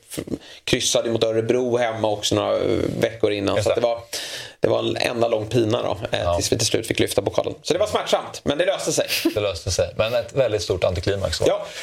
Jennifer, mm. Eh, du plockade ut två matcher här. Ja. Samma lag i båda matcherna. Ja, och liksom lite samma tema. Eh, lite fjantigt. Jag får stå för att jag i min ungdom eh, och liksom som hyfsat nybliven fotbollssupporter faktiskt var en sån här odräglig människa som hejade mer på ett annat landslag ja, än på Sverige. Ja, mm. så var det. Men det, var, det handlade bara om att redan från början var det Premier League mm. för hela slanten och det var ju liksom de spelarna jag gillade och älskade till och med och brann för och följde till vardags. Eh, så det är klart jag hejar på England mm. när det väl är dags för mästerskap. Men så här i efterhand känns det väldigt töntigt. Men mm. 2004 var jag ändå bara 15 år så jag kan tycka att det fortfarande eh, gick an. Absolut. Det var ingen trevlig upplevelse att eh, vara England-supporter under de här åren. Fast ändå trevligare än att vara svensk för det finns ju ändå en form av hopp. Att, att kunna få lyfta den pokalen. Sant. Eh, men därför blev det så mycket tyngre. Två gånger om, två mästerskap i rad mot just Portugal som ju faktiskt eh, innehöll eh, en av mina, vad ska man säga, minst favoritspelare genom tiderna. Cristiano Ronaldo. Mm. Som jag hade svårt för den mannen på den här tiden framför allt.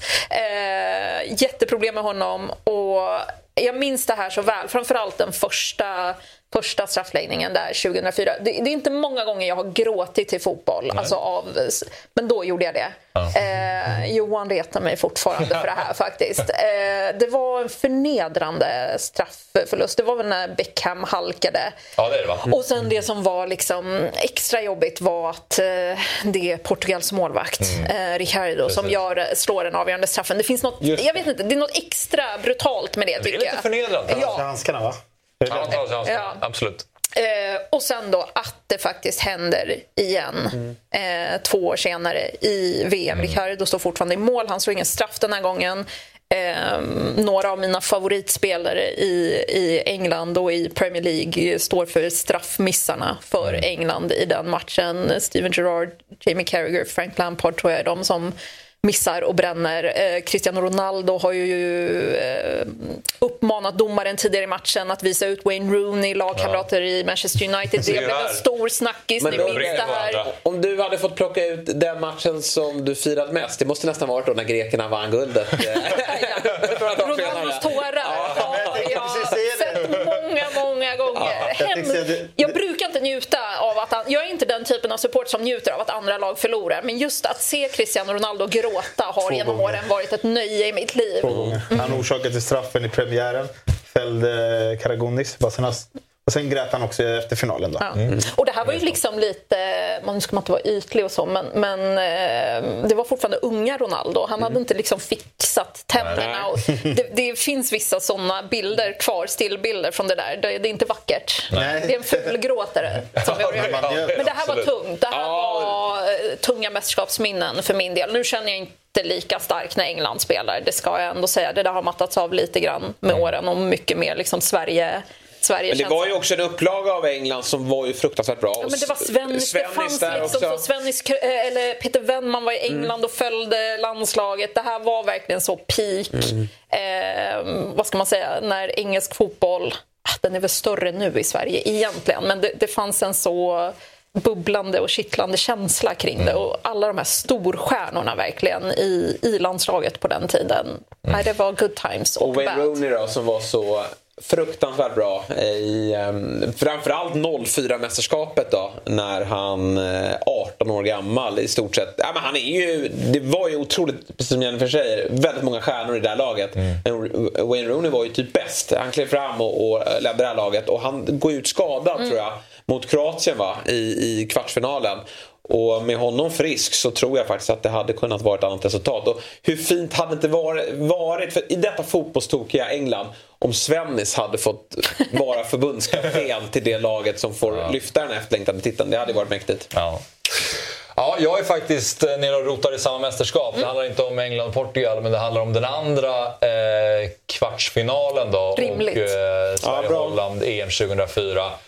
Det är ju som du säger Jesper, när det kommer till mästerskap så är man ju på förhand redo på att Sverige kommer att åka ut. Ja. Men efter VM 2002, när man ryker mot Senegal och man känner att det här är en nation som kan gå långt och det skulle kunna gått längre även 2002, man var ju knäckt då också. Men två år senare så var jag lite äldre, kunde lite mer fotboll, var ännu mer engagerad i, i mästerskapet och i fotbollen. Och, eh, man börjar med att smälla till 5-0 mot Bulgarien och man bara känner att det här kan gå hur långt som helst. Kryssa mot Italien, kryssa mot Danmark såklart, de två efterföljande matcherna och sen så ställs man mot Holland som man ändå känner är möjliga att slå. Och så slutar det med den här eh, snöpliga eh, straffförlusten. Och man har, om det är Ljungberg som har ett skott i ribban på övertid och du vet man är så nära med flera olika möjligheter att ta sig vidare från den här matchen. Och då var jag så tom efteråt så att det, alltså det var liksom så här, det var sån tomhet och som bara så här, men vad fan, inte den här gången heller. Såg du den också på Stockholms stadion på Storbilds-TV? Nej, det, det var många av den. Ja, okay. ja. Och det är ju faktiskt inte, för större nationer så kan man säga att vi får en ny chans om två eller fyra år igen. Men, men för Sveriges... Men det var ju exakt det. Man känner att okej, okay, nu vet du fan om det blir något mer. Det, det är lång tid tills mm. dess.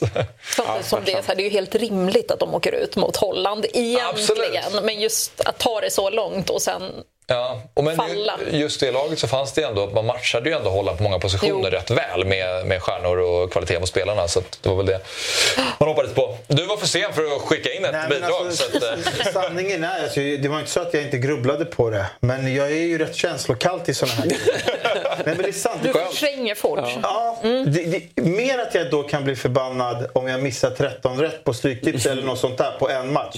Då, då kan jag vara lack i 4-5 dagar. Men det, jag vet inte, jag, jag, kan stänga av. Det är samma sak med AIK. Jag, jag, jag blir, när jag går då från Friends eller från Råsunda eller vad det har varit. Då, där, jag kan bara känna en så här, jag kan vara besviken eller arg. Jag, vet inte, jag, bara, jag bara inbillar mig direkt efter att fotboll betyder ingenting i mitt liv. Mm. Och så stänger jag av de känslorna och så går jag vidare. Alltså jag, jag, jag hade svårt, nu när du drar du upp skulle den föreläsa om det här egentligen för arga, arga fotbollssupportrar. Ja, hur man gör. ja, men jag kan, jag, jag, alltså när du beskriver det här, två, alltså AIK, jag, alltså jag minns det men jag, jag minns mig inte själv som skitlack efter att jag gick runt i fem dagar. I och för sig skulle jag fylla år fem dagar senare och mm. planerade en fest. Den var dock sjuk för då hade jag bara, bara fylla i. Jag bara kom på en sak. På tal om AIK-skador. Eh, så hade jag bjudit Daniel Sundgren. Så han dök ju bara upp på min fest och hade redan druckit. Och han hade inte sagt till mig att han inte skulle spela mot Kalmar. Nej, han var och det var ju dagen efter som vi skulle sätta oss. Jag bara, ska du inte spela? Du har match imorgon. Vad gör du här? Så bara, nej jag spelar inte. Sebbe spelar inte. Jag, och då skulle jag åka med Bojan Djordjic och ner i bilen till Kalmar. Jag tänkte att ska jag skita i det här? För då har jag, då har jag Bojan Djordjic i ena örat och så vet jag att AIK kommer inte ställa ut med en bra elva. Nej. Så, var, Man var glad att Vi vet alla hur det låter. Hemvägen skulle du varit med i alla fall. Du, jag har hört historierna. Eh, Jag är omgiven av AIK-män i min eh, vardag, ska sägas. Det, det är ett ok jag får bära här. Jag och Bojan bak, Svanemar och Maripo fram. Ja, de hade sån huvudvärk när vi kommer fram till Stockholm. Ja, det låter som att det kan chattas rätt rejält i den där bilen. Men eh, Jennifer, eh, skitkul att ha dig här. Ja, men tack för att jag fick komma. Det var trevligt. Ja, superroligt. Och, eh, ja, eh, lycka till eh, framöver då. Det är alltså Premier League-studio om några In- timmar då. Ja, då, jag, då är inte jag där. Nej. Den tar Rickard Henriksson hand om. Men imorgon och på måndag så finns vi på plats. Det är ju Chelsea-Tottenham där som Ja, avslutar just det. omgången. Och den studio inom... Ja, en kul. timme inför. Ja, Så fantastiskt. mycket Pochettinos återkomst till sin gamla klubb. Just det, just och det. Nej, det blir lite, lite mysigt tror Mm. jag. Han är ju väldigt omtyckt där. Ja, stort tack i alla fall. Tack. Eh, mm, vi tar en kort paus så är vi tillbaka och då blir det Stryktipset. Och så ska vi ringa upp Fabian Ahlstrand eh, direkt från Danmark.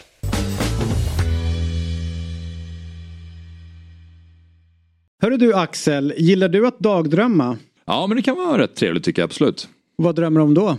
Oftast blir det väl ändå fotbollskarriären. Eh, både en och två gånger skulle jag säga. För det är ju så för oss här på Fotbollsmorgon, de flesta dagdrömmar ägnas åt fotbollskarriären.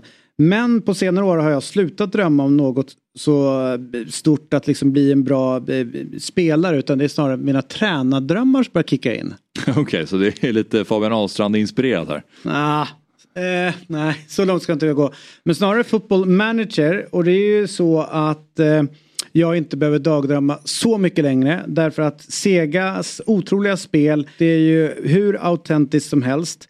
Eh, och eh, jag tror ju att jag kommer få eh, mina drömmar uppfyllda här. Mm. Nej, det är sig sant. Football Manager, där har jag nog lagt betydligt fler timmar på att spela det än på att eh, dagdrömma i alla fall, det kan jag säga. Då är vi ju samma skrot och korn. Det är typ du och jag och sex miljoner andra.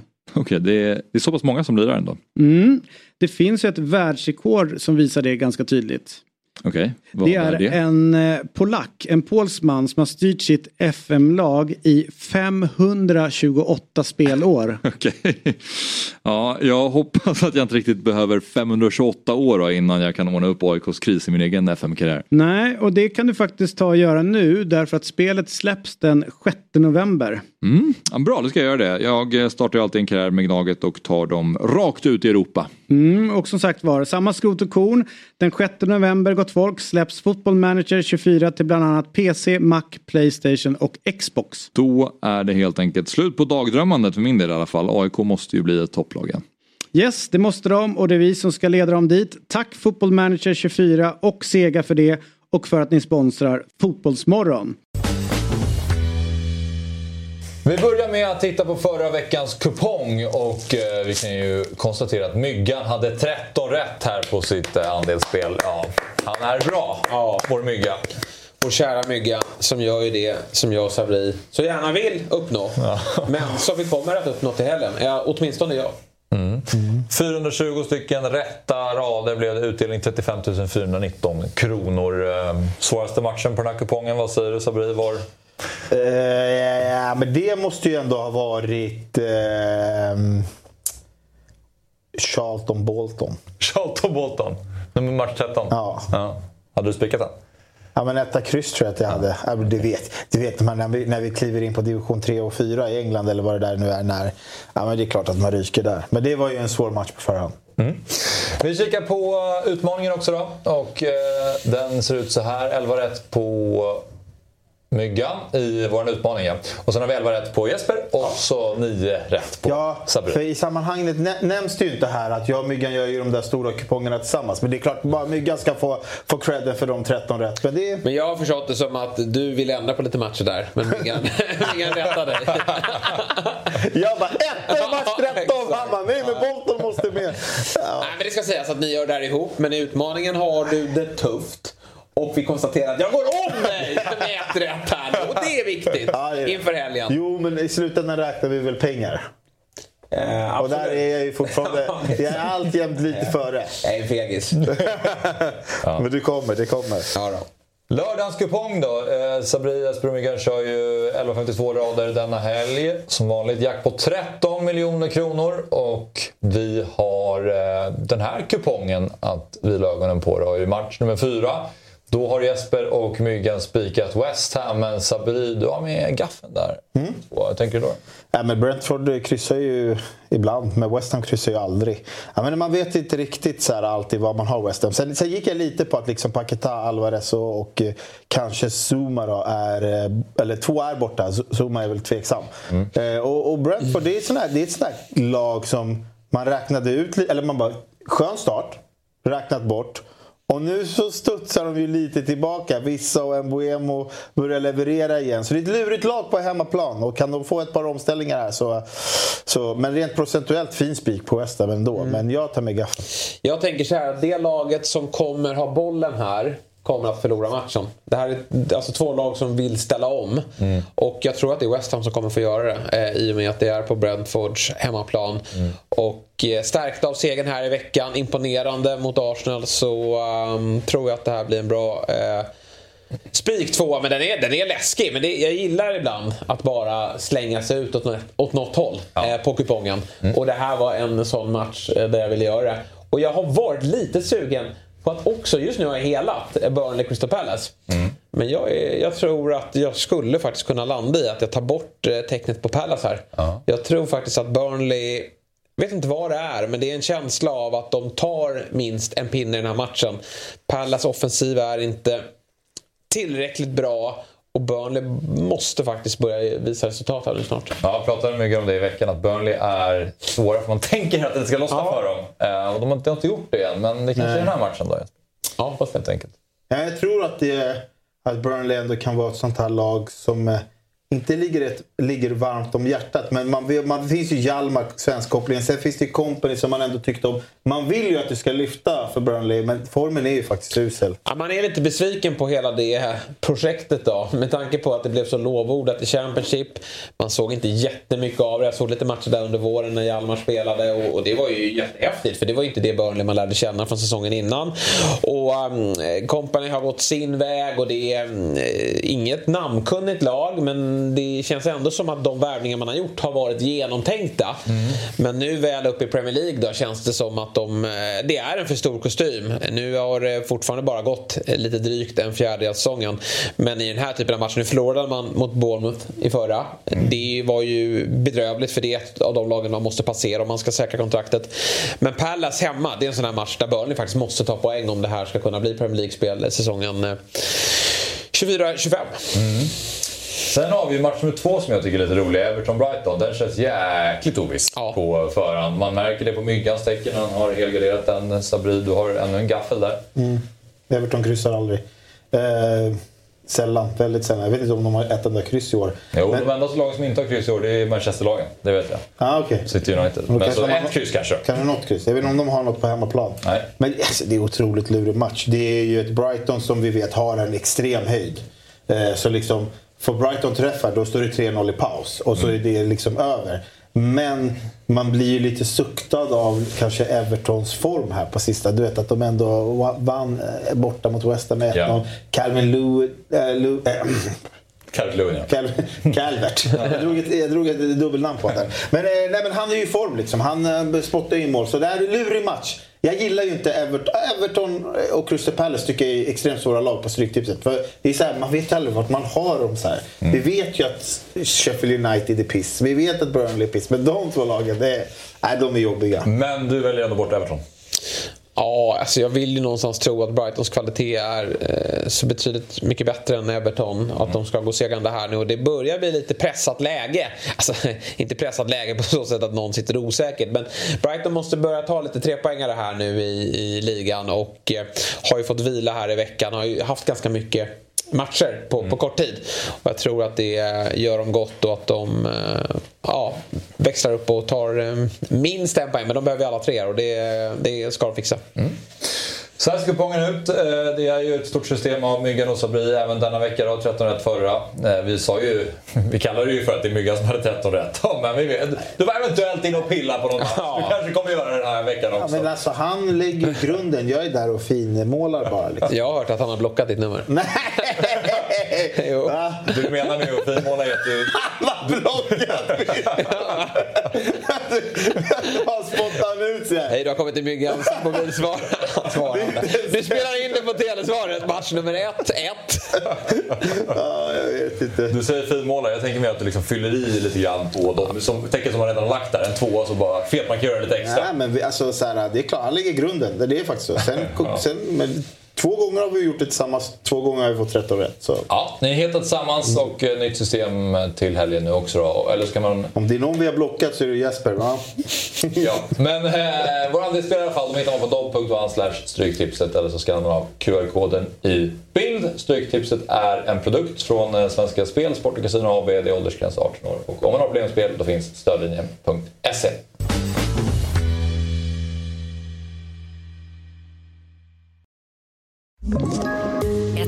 poddtips från Podplay. I fallen jag aldrig glömmer djupdyker Hasse Aro i arbetet bakom några av Sveriges mest uppseendeväckande brottsutredningar.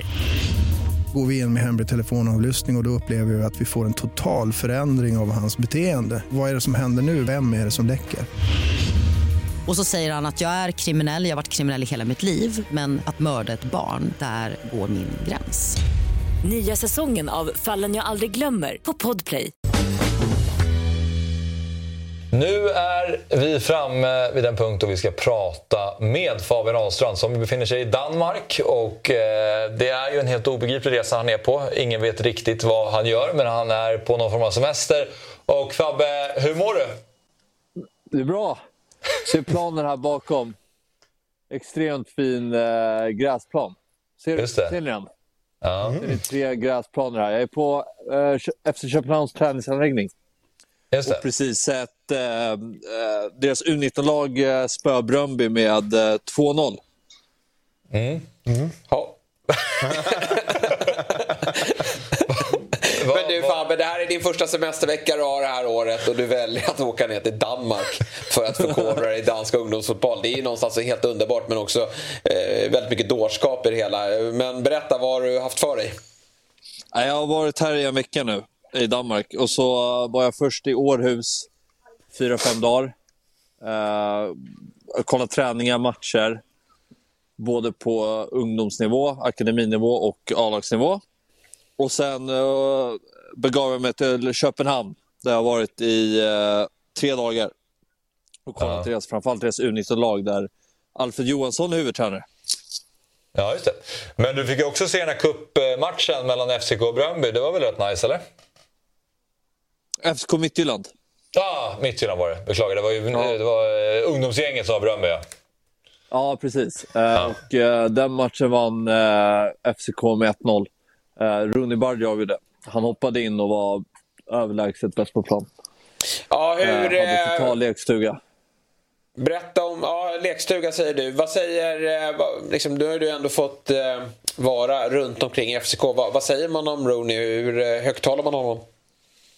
Eh, jättehögt, men då vill vi att han ska ta nästa steg och inte bara vara liksom, lite rota rotationsspel. Är väl inte, han får ju spela väldigt mycket, men att han blir liksom, lagets klart bästa spelare. Att det är det steget eh, han ska ta. Att det är det sista, sista steget innan han kan bli såld eh, till en stor klubb i Europa. Eller en riktigt stor klubb i Europa. Eh, men eh, han bytte med Jordan Larsson faktiskt. Och eh, det var ganska tydlig skillnad när han kom in på planen än när Jordan var på plan. Eh, han var, alltså, I den där matchen var han överlägset bäst på plan tycker jag. Och då spelade han 30 minuter. Båda är gott. Och förhoppningsvis då så nej, kan ja, nästa förbundskapten alltså- se det. Ja, nej men alltså så- sett till eh, liksom... Det- alltså det, det, det, det som är tydligt är väl att de tycker att han ska ta nästa steg att bli liksom bäst i laget och kanske hela superligans bästa spelare. Han är extremt populär också. Alltså så fort han hoppar in så skanderar hela publiken hans namn. Så han har ju en egen ramsa efter sig och sådär. Så hans status är, Hur går den då? Rooney, Rooney, Rooney. det var innovativt. Ja. ja, det räcker. Det räcker. Men du, äh, åker hem på söndag. Vad, vad, tar du med dig då? Liksom, vad, äh, vad skiljer den danska ungdomsfotbollen äh, mot den svenska? Alltså, det är ju inte så jättestor skillnad i sig. Men det är väl dels så tycker man att det är bättre spelare. Bara den här matchen såg nu U19 Köpenhamn mot eh, Bröndby att det är ju det är, det är två väldigt bra lag. Och, eh, men sen är det så här, det är ju, de rekryterar ju också spelare utifrån till akademierna. Det gör vi inte på samma sätt i Sverige. Eh, men vad man har lärt sig, man har väl lärt sig ganska mycket. Men del, framförallt så har det varit en väldigt inspirerande resa. Och liksom ta, lite se vad de gör, hur de lägger upp träningar. eh, och sådär. Uh, den största skillnaden jag tycker som är tydlig, det är väl intensiteten de har. Jag var och kollade på FCKs U19-träning i onsdags och eh, de kör på en eh, väldigt hög eh, belastning trots att det är två dagar kvar till match. Sådär. Men något så konkret eh, vet jag inte riktigt vad man har lärt sig riktigt utan det är väl mer att man får en helhetsbild på allt. Liksom. Eh, alltså, Just det. Blir lite inspirerad av vissa övningar och sådär kravställning på träningar. Alltså, det är små saker egentligen. Men ifall jag reagerar på, alltså, den där faciliteten ser ju riktigt, riktigt fet ut. Alltså, de andra delarna, har du varit där inne också eller har du bara varit eh, utanför? Uh, alltså på planen eller på? Nej, inne i, på träningsanläggningen liksom. Ja, men det här är inne på träningsanläggningen. Så det är uppdelat. Alltså, akademin har ja, den här byggnaden som jag står inför nu och så är A-laget på andra sidan. Eh, och så är det tre naturgräsplaner här och sen är det åtta konstgräsplaner. Så det är ingen, det är ingen brist på planyta direkt utan alla lag får ju, jag menar om man är U17, U19, U15, de får ju så mycket ytor de behöver att träna på. Uh, så det är ju en stor skillnad. Så här, tre eh, uh, naturgräsplaner som är perfekta. Alltså perfekta gräsmattor och sen är de åtta konstgräsplaner var det, var, det, var det likadant, eller det var ju säkert inte lika fett, men var det, liksom, var det i svenska mått mätt när du var och hälsade på Bejmo och dem, eller var det liksom ändå några klasser över? Ja, de hade två naturgräsplaner och sen eh, var det fyra konstgräsplaner tror jag. Mm. Ja, det är fortfarande betydligt, eh, fortfarande betydligt bättre förutsättningar än många svenska klubbar får man säga. Ja, ja nej precis. Så det är ju det, är ju det som också är tydligt. att så här, det, är, det är mer de lägger ner mer pengar på akademierna och de har bättre förutsättningar att bedriva bra eh, verksamhet. Liksom. Eh, så. Men du, eh, du, var, du har ju varit på semester nu, kommer väl vara eh, på semester ungefär tio dagar och du eh, fattar ju ändå det här beslutet att åka dit och det verkar som att du har fått med dig en del. Samtidigt har jag sett bilder på när du stod på någon konstgräsplan i Århus och det regnade och det blåste och du såg någon, några 13-åringar köra kvadraten. Har allting varit eh, kul eller har det varit lite har du ifrågasatt beslutet någonting? Nej, absolut inte.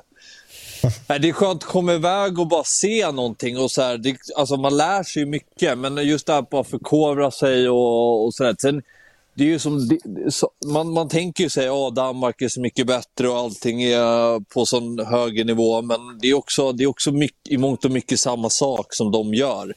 Uh, sen att de liksom har bättre spelare och bättre förutsättningar, det är ju klart det är ju någonting som sticker ut, men det är inte... Alltså, det är absolut inget man ångrar sig om du förstår vad jag menar. Nej, okej. Okay. Men du, hur ska du kunna ta de här idéerna från Danmark till division 6 då? Ja, men återigen, det är ju inte jättestora skillnader i saker de gör. Alltså, det är så anfall mot försvarövning är ju likadant. Och de, det är väldigt tydligt, väldigt många lag spelar 4-3-3 här, 2-3-5, alltså 3-2-5 och sånt där eh, formation. Bara den här matchen jag såg så spelar ju både Bröndby och eh, FCK på relativt lika sätt. Liksom. Eh, och det tycker jag var ett genomgående med de flesta lagen man har kollat på under den här resans gång. Vad är det för fotboll då? Är det eh, bollinnehav? Är det... Vilken tränare där ute influeras de av? Ja, men det är ju mycket den uh, tyska modellen, tycker jag. Mm. Spela snabbt. Uh, sen är ju alla spel, har ju sitt sätt att, att spela på, men liksom överlag så är det ju ganska... ganska lika, alltså sett i formation och sådär. Eh, men eh, snabb fotboll, eh, liksom. Eh, 8-4-3-3, 3-4-3. Något som slog mig också var intressant, det var ju att antalet tränare U19-laget i FCK har. De har ju runt här, åtta stycken eh, i staben eh, som jobbar. Ja.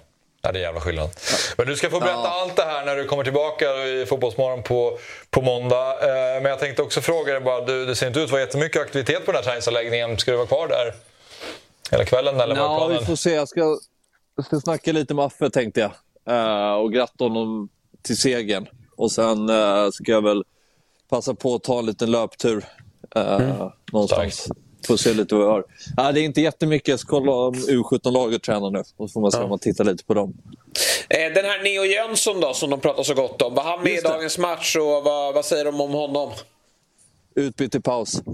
Oj då. Var han svag eller? Ja, men det är ju klart så här det är ju, där är ju ett bra exempel. Liksom. Alltså, det, är ju, det, det är ju jätteintressant det där. För att han, är ju, han kommer ju från det här Maj FC, eh, från Sollentuna.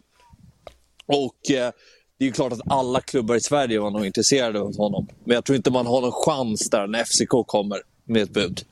Så är det ju. Och det är ju, det är ju väldigt många olika nationaliteter i, i akademierna här och det ligger ju inte riktigt i vår kultur att vi värvar spelare utifrån och sätter dem i akademierna. Alltså det är inte så att man ser en ungrare på, uh, i AIKs P, P17. Liksom. Uh, men där är ju, där är ju FCK. Mm. Och, och de spelar med väldigt unga spelare också. Jag tror det var 5-07 Neo Jönsson är ju 07 uh, Och så var det väl 2-3 06 och sådär. Som spelar med unga spelare också på U19-serien. Det är ju inte att de spelar med 04 utan de ska ju vara där uppe i A-laget. Liksom. I Sverige kan ju vara ett lag som vinner P19-serien men de har ett lag som bara är 04. Ja, är de bäst då? Hänger ni med vad jag pratar om? Någorlunda. Ja, vi får, vi får ta vidare det när du ja. kommer hem tänker jag. Eh, men jag uppskattar lilla lägesrapporten här. Så eh, får du eh, gå och snacka med Affe. Så hörs vi igen nästa vecka. Ja, jag ska se vart han är. Ja, men det gör vi. Vad har ni pratat om mer då i programmet? Ja, men det kan vi. Det kan, jag kan, du får kolla på det sen. Ja, du får kolla på det. Jag tror att det är ett vanligt Facetime-samtal. vi hörs sen Fabbe. Det gör vi. Ja. Tack så mycket. Hej. Han är helt han underbar. Är härlig, den där, Fabbe, den där Fabbe. mannen är Men fantastisk. eh, fan, man slås ju ändå av Alltså, alltså skillnaden i faciliteter. Tar vi AIK, liksom Karlberg, inte nog med att man ska gå en och en halv mil från liksom lokalen till planen och det är bara en plan. Eller det är en liten bakom som man aldrig använder och sen liksom så här matsalen är ju i samma rum som där de kollar sina videoanalyser och så, och så ser man det där. Åtta planer, tre perfekta gräs. Alltså förutsättningarna blir ju... Mm. Det är ju löjligt dåliga förutsättningar då här i Sverige. Ja, det är, ja, men det är ju dags för eh, alltså, inte politiker och andra att satsa på, på uh, Nej, idrotten. Alltså... Och, och uh, fotbollen är ju nummer ett. Så det, det är dags att börja faktiskt det, uh, ta det här på allvar. Det, alltså, mm. Alltid prata om att akademierna ska bli bättre. De här har ju aldrig problem med att fixa en tid eller att lamporna inte lyser eller att vill de träna på gräs eller plastgräs, de kliver bara ner här och tar en tid. Det är ju Köpenhamns liksom. Så alltså, mm. Förutsättningarna är ju, man ser ju det, de är ju brutalt mycket bättre än, mm. än i Sverige. Så där får vi faktiskt ta och steppa upp. Ja, jag håller med. Eh, nu ska vi gå vidare. Och eh, det är ju så att på måndag då släpps Football Manager 24. Och om det var så att man hade lite tid över eh, förut så är det ju ingenting mot tidsbristen som kommer råda nästa vecka när det här nya spelet släpps. Då. Vi har ju kört en Tävling här i veckan där folk har skickat in historier om sina största FM-triumfer och det har regnat in otroliga berättelser. En vinnare har redan korats och han lyckades bli uppköpt av reseten James Cook och kryssa mot Real Madrid med sitt kära ÖIS. Och nu ska vi presentera resterande fyra vinnare och det var inte lätt att välja bort någon här. Det ska FM-gudarna veta. Men Jesper, du har ju spelat en hel del fotboll i dina dagar. Det har jag eh, sannoliken gjort. Eh, framförallt då runt såklart som i min eh, ålderskategori att man fastnade väldigt hårt för 01-02 upplagan. Och sen så har man ju... Det är samma för mig. Ja. ja Ja, nej, men den, den, jag spelade dem innan också men 01-02 var ju såklart den bästa och, och lite startskottet på ett, på ett ganska läskigt beroende eh, får man ju säga. Eh, sen har det ju blivit mindre av den varan. Det är ju ganska genant att sätta sig vid datorn idag när man har två små barn som springer runt den och, och försöka lägga ner den tid som krävs. Men eh, på månda... Pappa då... ska bara rita lite pilar. Ja, exakt. På måndag när de har gått och lagt sig då eh, eh, knyter vi på oss slipsen och eh, håller den första presskonferensen. Så får vi se vilket lag det blir. Det är ju inte klart än. Eh, Jag har en del förfrågningar men jag är väldigt taggad på att dra igång igen. Det är, det är ändå en sorglig syn att knyta på dig i slipsen där vid, jag, vid jag vet datorn. inte hur du gör om du sitter och kör något gammalt eh, trött träningsställ men, men för mig är det på allvar och då är det viktigt att visa det eh, Det är bra. till 100%. Det är rätt. Det är rätt. Vinnare ett då som eh, tog hand om ÖIS, det var Alexander Kjellin. Eh, Vinnare nummer två kan vi väl kasta upp på TVn också. Det är då... ehm, vad har vi då? Nordvalt. Som lyckades med bedriften att fostra en egen spelare i AIK. Damien Rue, säger man kanske. Roa. Ja, men tänk på Leroux i Ja, Varberg. just det. Just det. Som sedan gick... Ja, du har rätt i det uttalet. Jag ber om ursäkt. Grymt. Som sedan gick och avgjorde en eh, EM-final. 90 plus 3. Den här gillar jag verkligen. Fan vad läckert. Eh, På tal om då våra akademier. Han har fått ordning på, på, på de här. eh, Ja, det var en bra akademi, men att fostra en EM-finalist som dessutom avgör med två strutar på övertid. Det är ju otroligt läckert. Ja, mycket starkt. Så eh, ett spel till kontot Nordvalt alltså, som skickade in det bidraget. Nummer tre, som också tar hem ett spel i vår eh, tävling som vi kallar för den stora FM-triumfen. Det är då Karl Mårtensson, eh, Karl M94. Började som arbetslös, lyckades vinna Champions League på alla kontinenter. Och, eh, Det är mäktigt. Ja. Indonesien, division 2, Hongkong, Sydkorea, Portugal, Mexiko, Argentina, Sydafrika, Barcelona. Det är ju eh, det är något. Ja, det är en häftig resa. Jag eh, brukar sällan kunna hänga i så länge. Jag eh, ruttnar ofta där runt eh, tio år in och, och startar upp en ny save. Men jag blir alltid lika imponerad av de här som kan köra. När det börjar ramla in spelare man inte har koll på, då, då, eh, då känner jag att eh, då checkar jag ut och pensionerar mig.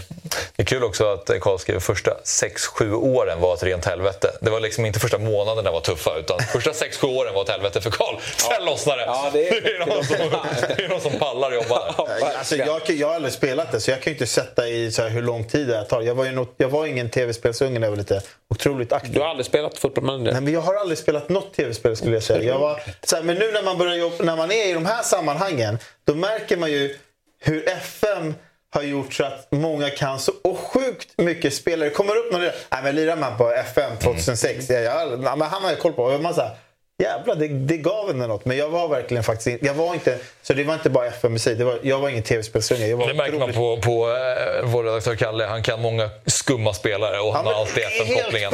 Hur de bara kopplar eh, ihop. Ja, men han, han visste man skulle bli bra för att han var bra i på FM 2011. Liksom. Vinnare nummer fyra då, i den stora FM-triumfen. Bogvisir heter kontot som i sitt Happy Valley i Hongkongs, näst, Hong- Hongkongs högsta division värvade in två 36-åriga anfallare i Neymar och Heung-Min Son. Neymar var kass, Son desto bättre. Det slutade med en semifinal i Asien. Nej, är det här en bedrift då? Ja, men det här är mäktigt. Det luktar ju... Det, Happy Valley, vilket lag? Det ja, men att Son någonstans skulle gå tillbaka till Asien och Neymar lockas av pengarna. Det är väl inget... Det, det här skulle ju kunna ske faktiskt i verkligheten. Ja, och att Neymar skulle vara kass också. Det är väldigt trovärdigt. Ja, han har checkat Ja. ut här. Ja, men Son är ändå taggad eh, att, att vända hem till Asien. Står här även att eh, Bogi Visir då hade sett laget spela i tredje divisionen 2018. Alltså i verkligheten. Ah, Och läckert. Det är dock en bedrift. De gick upp i högsta divisionen 2020 och blev då spelbara på FM och då var det ingen snack om vilket lag som skulle väljas. Så, den så ser det ut. Ja. Där tar vi. Ja, och eh, nummer fem då. Vinnare i den stora FM-triumfen. Maximilian Klem. Online-spel med kompis som blev klicka, kickad från sin klubb. Själv i toppstrid med svensk satsande Hansa Rostock. Också kul. Nätverksspel har jag eh, sysslat med en del eh, i yngre dagar. Det, det är ju tidskrävande om något för då gäller det att hitta Mm. tid med den man spelar också. Att man samtidigt, och det är ju som så att när man sätter sig ner med manager, man nöjer sig ju inte med en timme. man spelar gärna tio timmar i sträck. Mm. Och det är svårt nog att få till själv och eh, ännu svårare då, att få till med en, med en eh, god vän. Just det. Ja, så är det. Där var alltså våra vinnare i den stora FM-triumfen. Eh, och ni som inte lyckades knipa ett spel den här gången, misströsta ej. Det kommer en ny tävling nästa vecka, så vi fortsätter med detta. Och jag kan säga så här, det har varit sjukt många roliga berättelser från olika FM-saves där ute. Man märker hur stort spelet är, man märker hur folk, engagerade folk är, hur länge de orkar hålla i och hur mycket oklara klubbar som tas över. Nej, det är väldigt många roliga berättelser, så att gå in i den Twitter-tråden och gotta ner er i det för er som gillar Football Manager. Vi eh, kontaktar er som har vunnit på Twitter eller via mail kommande vecka. Stort tack för det säger vi till Football Manager och Sega. Vi måste ju avsluta med att prata lite om vår egen serie i det här landet, Allsvenskan. För det drar ju ihop sig i, eh, i serien och nu är det bara två omgångar kvar. Och det är ju eh, en rysare som väntar, kanske i den sista omgången. Men eh, innan dess så ska ju Malmö ta sig an Häcken och bege sig till Göteborg. Och så har vi Elfsborg som tar emot Degerfors och spelar efter den matchen, så de kan ju fira redan då. Men det här är väl ändå... Alltså när, när man är i april, det är ju nog den bästa tiden på året för att allting drar igång och det är vår och så vidare. Älskar det. Man har inte hunnit Men det här är ju också fantastiskt. Nu är det ju inte kanske det för oss som följer ett svartgult lag från Stockholm. Men det är en härlig tid på året. Ja, det får man säga. Att vi får den här avslutningen vad vi förmodar. Även om det skulle avgöras till helgen så är det en häftig match då med, med Häcken-Malmö. Men jag tror att alla håller en tumme ändå för att det ska bli ett avgörande på Eleda stadion nästa helg. En guldfinal hade vi då senast 2009. Dessförinnan kan jag inte minnas. Eh, Det finns säkert någon. Men det är oerhört coolt att eh, det kan komma att bli så. Och det känns väldigt eh, ovisst faktiskt inför helgen. Eh, jag tror att det är ett Häcken som har ju avbräck i Dygard och eh, Romeo. Men ett Häcken som definitivt vill sätta käppar i hjulet för Malmö FF här. Så att det kan bli en riktigt eh, eh, välspelad och, och häftig match på alla sätt och vis. Vad ser du framför dig om man, bara, om man pratar eh, avslutningen övergripande? Alltså, vad tänker du Sabri? Ja, Jag, eh, alltså jag tror faktiskt här att Elfsborg vinner guldet. Jag tror att... Eh, Redan i helgen alltså? Ja, jag, jag tror de, jag tror de eh, går in efter ett kryss borta i Häcken och då vet man att de kan spela mer avslappnat och då är det ändå Degerfors som liksom kommer framåt. Klart att, klart att det kommer vara lite nervöst liksom att man här kan vinna men jag tror att de drar av det där med 4-1 eller 5-1. Så jag tror att Elfsborg faktiskt vinner bucklan. För att jag så här, någonstans måste vi ändå så här, jag vet att Malmö kommer in i den här matchen med så här, de har ju lite mer att spela för. Den här lilla, lilla extra liksom glöden kan göra så att man vinner. De har också vunnit många sådana ovissa matcher. Men, men just Häcken på plastgräs och att det betyder så mycket. Det, det, det är ju egentligen alltså... Det, häcken vill ju inte se Malmö gå och vinna det här och spendera sina pengar och kanske komma ut i Champions League igen. Utan det, det där vill man ju verkligen sätta stopp för. Och trots att Rygaard och Romeo inte är med så tror jag att eh, Malmö kommer få problem här. Jag, jag, jag, ser, jag ser som Jesper, jag ser gärna en, eh, en final. Alltså, du vet, då kommer man sitta där. vill. Ja. Eh, men jag tror inte att det kommer hända. Jag tror att eh, Elfsborg får fira här. Eh, När man kollar på Elfsborg de senaste matcherna, de har ju den där förmågan att vinna sina matcher trots att de kanske inte alltid ser ut att spela sådär bra. Om de nu vinner Allsvenskan i år, tycker ni att de är välförtjänta? Absolut, det är det alltid tycker jag. Eh, Löjligt att prata om något annat. Och poängskörden, jag menar 63, säg att de landar då på 66 kan landa på max 69. Det är ju en fantastiskt bra poängskörd. Och jag tycker framförallt hur de har hanterat sommaren med alla avbräck som de har haft. Alltså avbräck på så sätt att de har sålt väldigt många spelare. Och eh, har visserligen ersatt dem, men det tar tid att bygga ett nytt lag och, och så vidare. Så jag, jag eh, kan inte eh, säga, och vinner Malmö så är det eh, fullt rättvist. Men, men visst, det har inte varit den här... Men det brukar inte vara så på hösten då att man alltid pratar om att det nu har ju Elfsborg ändå tagit sina poäng men oftast brukar man ju säga om att det är inget lag som vill vinna allsvenskan för att när det börjar dra ihop sig så blir det lite eh, nervöst och, och eh, man eh, drar på sig några poängtapp här och där. Men Elfsborg har stått för en enastående säsong tycker jag. Ja, och väl- välförtjänt kanske är fel ord. Jag håller med om att de är välförtjänta svenska mästare om, de, om de tar hem det. Men det var mer kanske så här, om de är det bästa laget. Alltså, förstår du vad jag menar? ja, det, det, alltså, förra året så kändes det som att alla var överens om att Häcken bara körde över allt. Här finns det Häcken, Malmö, Elfsborg som alla någonstans har Men gått bredvid varandra hela, hela Häcken vägen. förra året var ju det exempel där man kände att de var bra eh, hela säsongen igenom. Att det, var, det var ingen som kunde rå på dem. Man, det var ju något, något nytt man hade sett, liksom, så här, hur bra de var.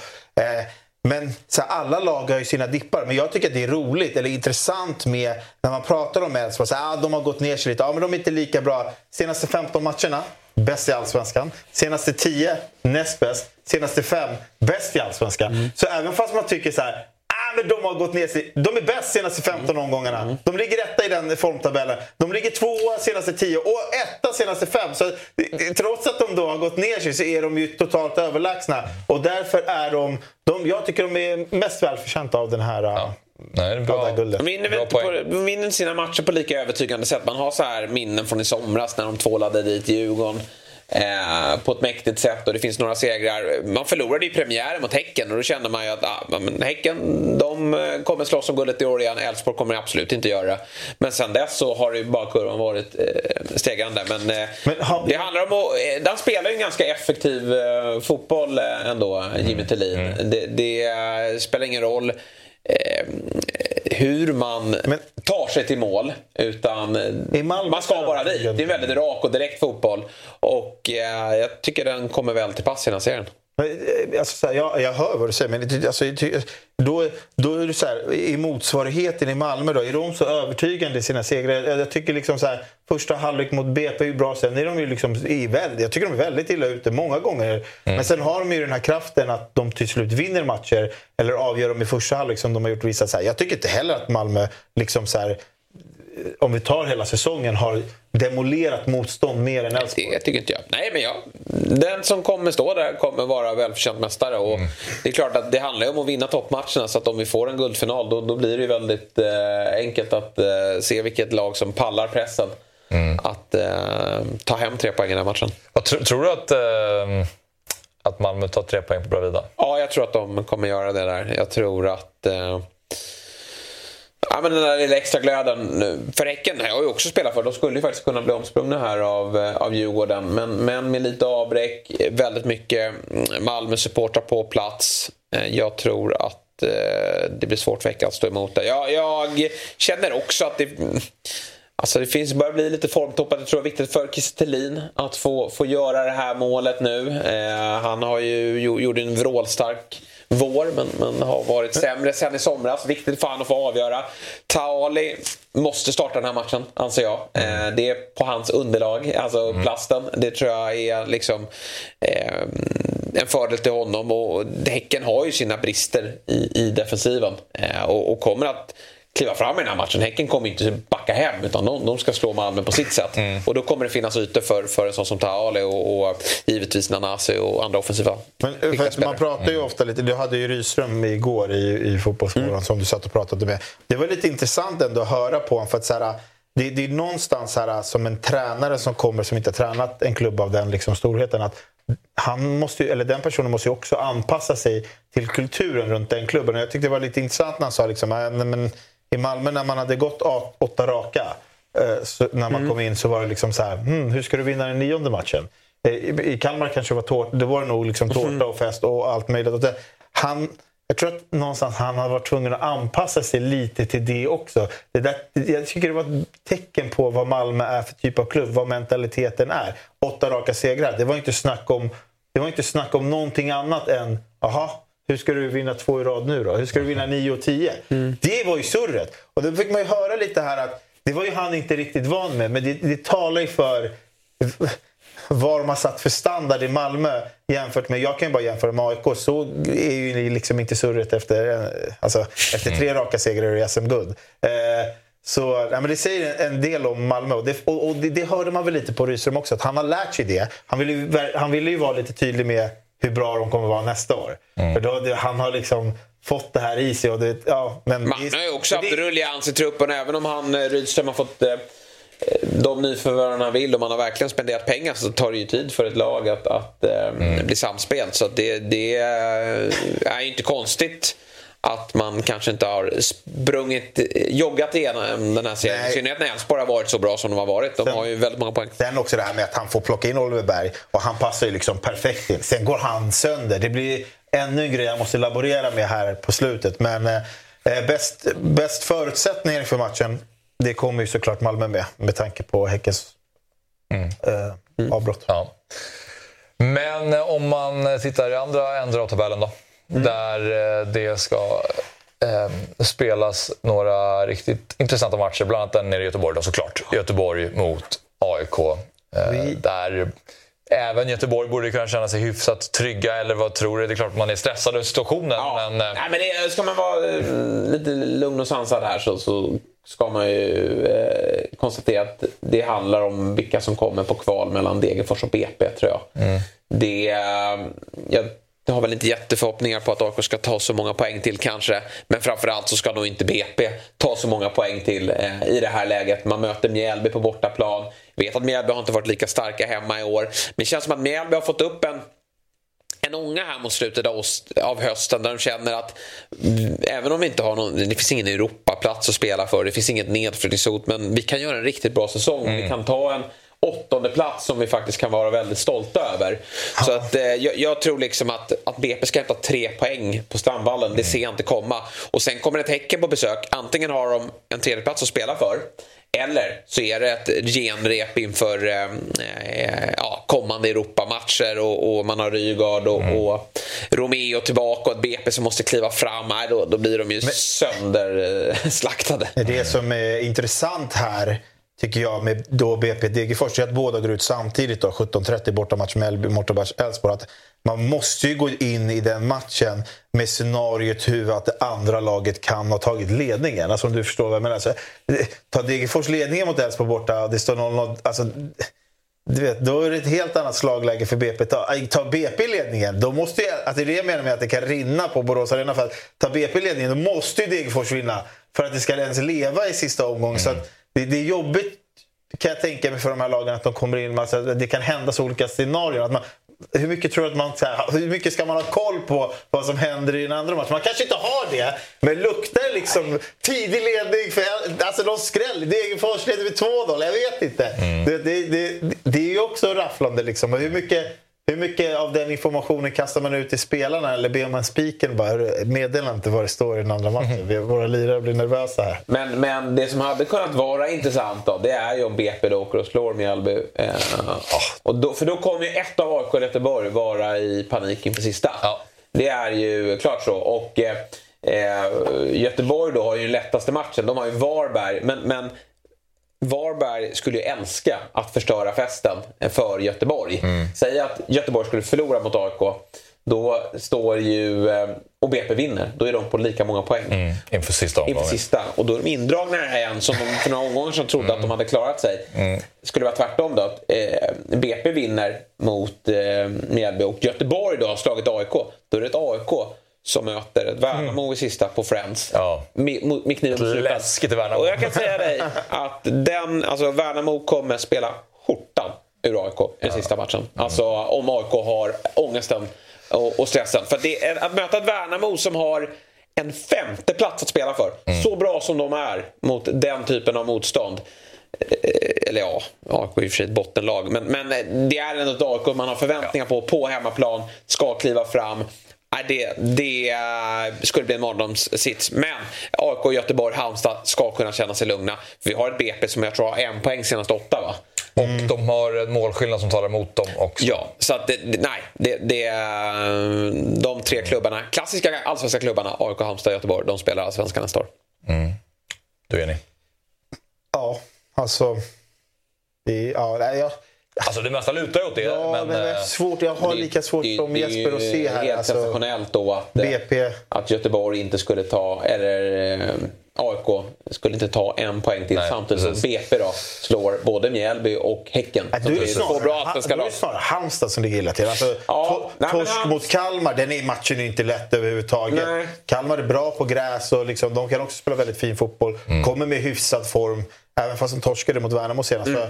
Vinner BP då tror jag fan att det är mer Halmstad som är illa ute. Men jag vet mm. Det är min känsla. Och i mittens rike där finns det ju en del eh, mindre intressanta matcher de som inte betyder fullt lika mycket. Men eh, vi har ett Bayern som står eh, utan tränare. De har väl i och för sig sin assisterande då, som inte hakade på Martin. Jag vet, kommer inte ihåg vad han heter.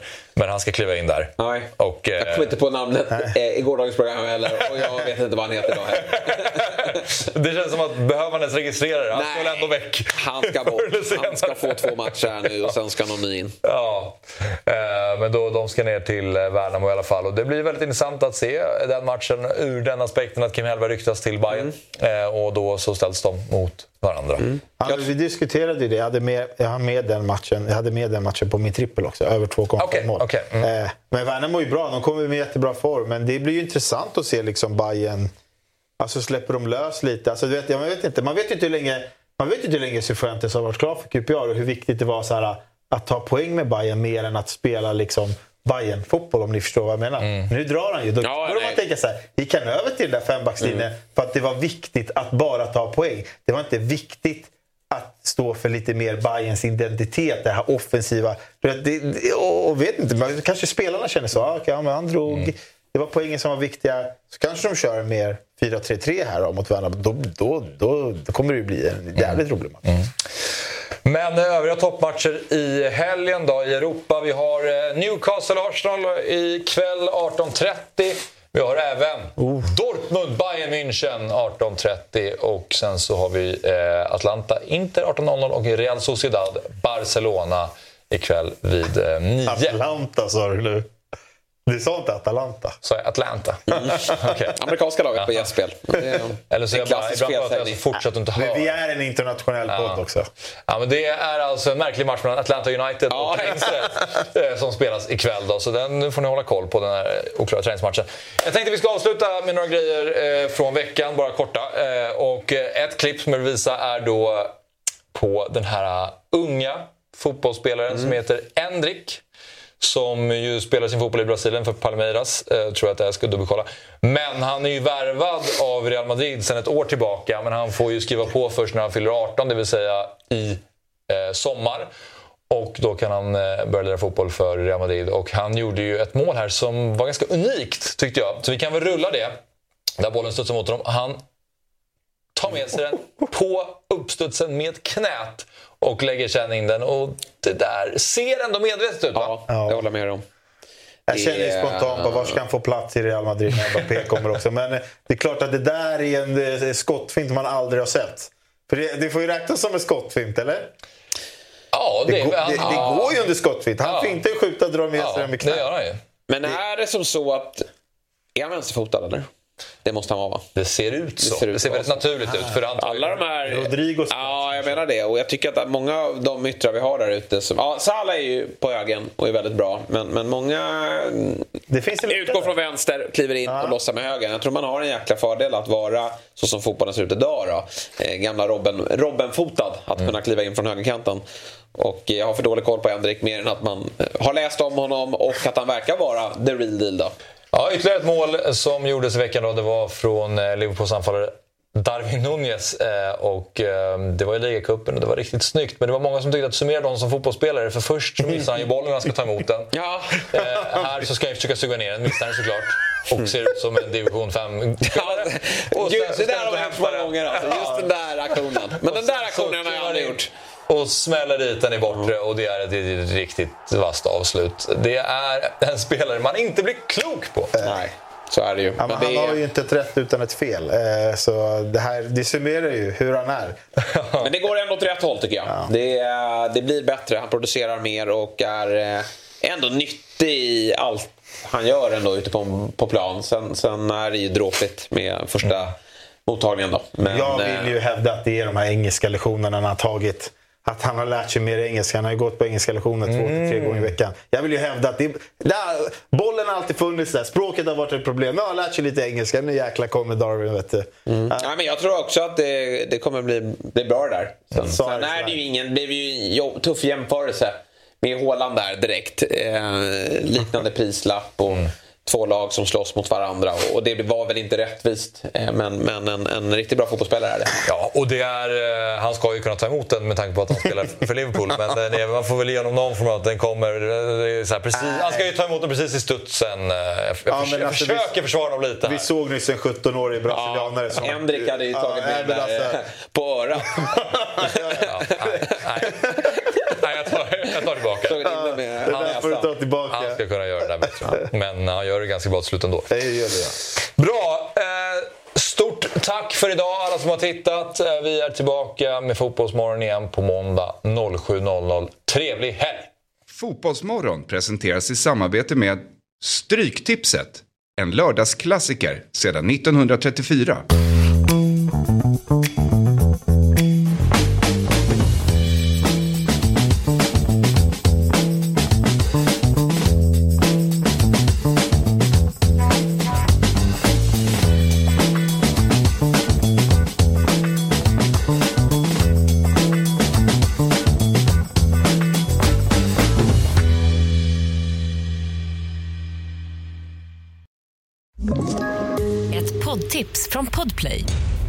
Fallen jag aldrig glömmer djupdyker Hasse Aro i arbetet bakom några av Sveriges mest uppseendeväckande brottsutredningar. Går vi in med hemlig telefonavlyssning och, och då upplever vi att vi får en total förändring av hans beteende. Vad är det som händer nu? Vem är det som läcker? Och så säger han att jag är kriminell, jag har varit kriminell i hela mitt liv men att mörda ett barn, där går min gräns. Nya säsongen av Fallen jag aldrig glömmer på Podplay.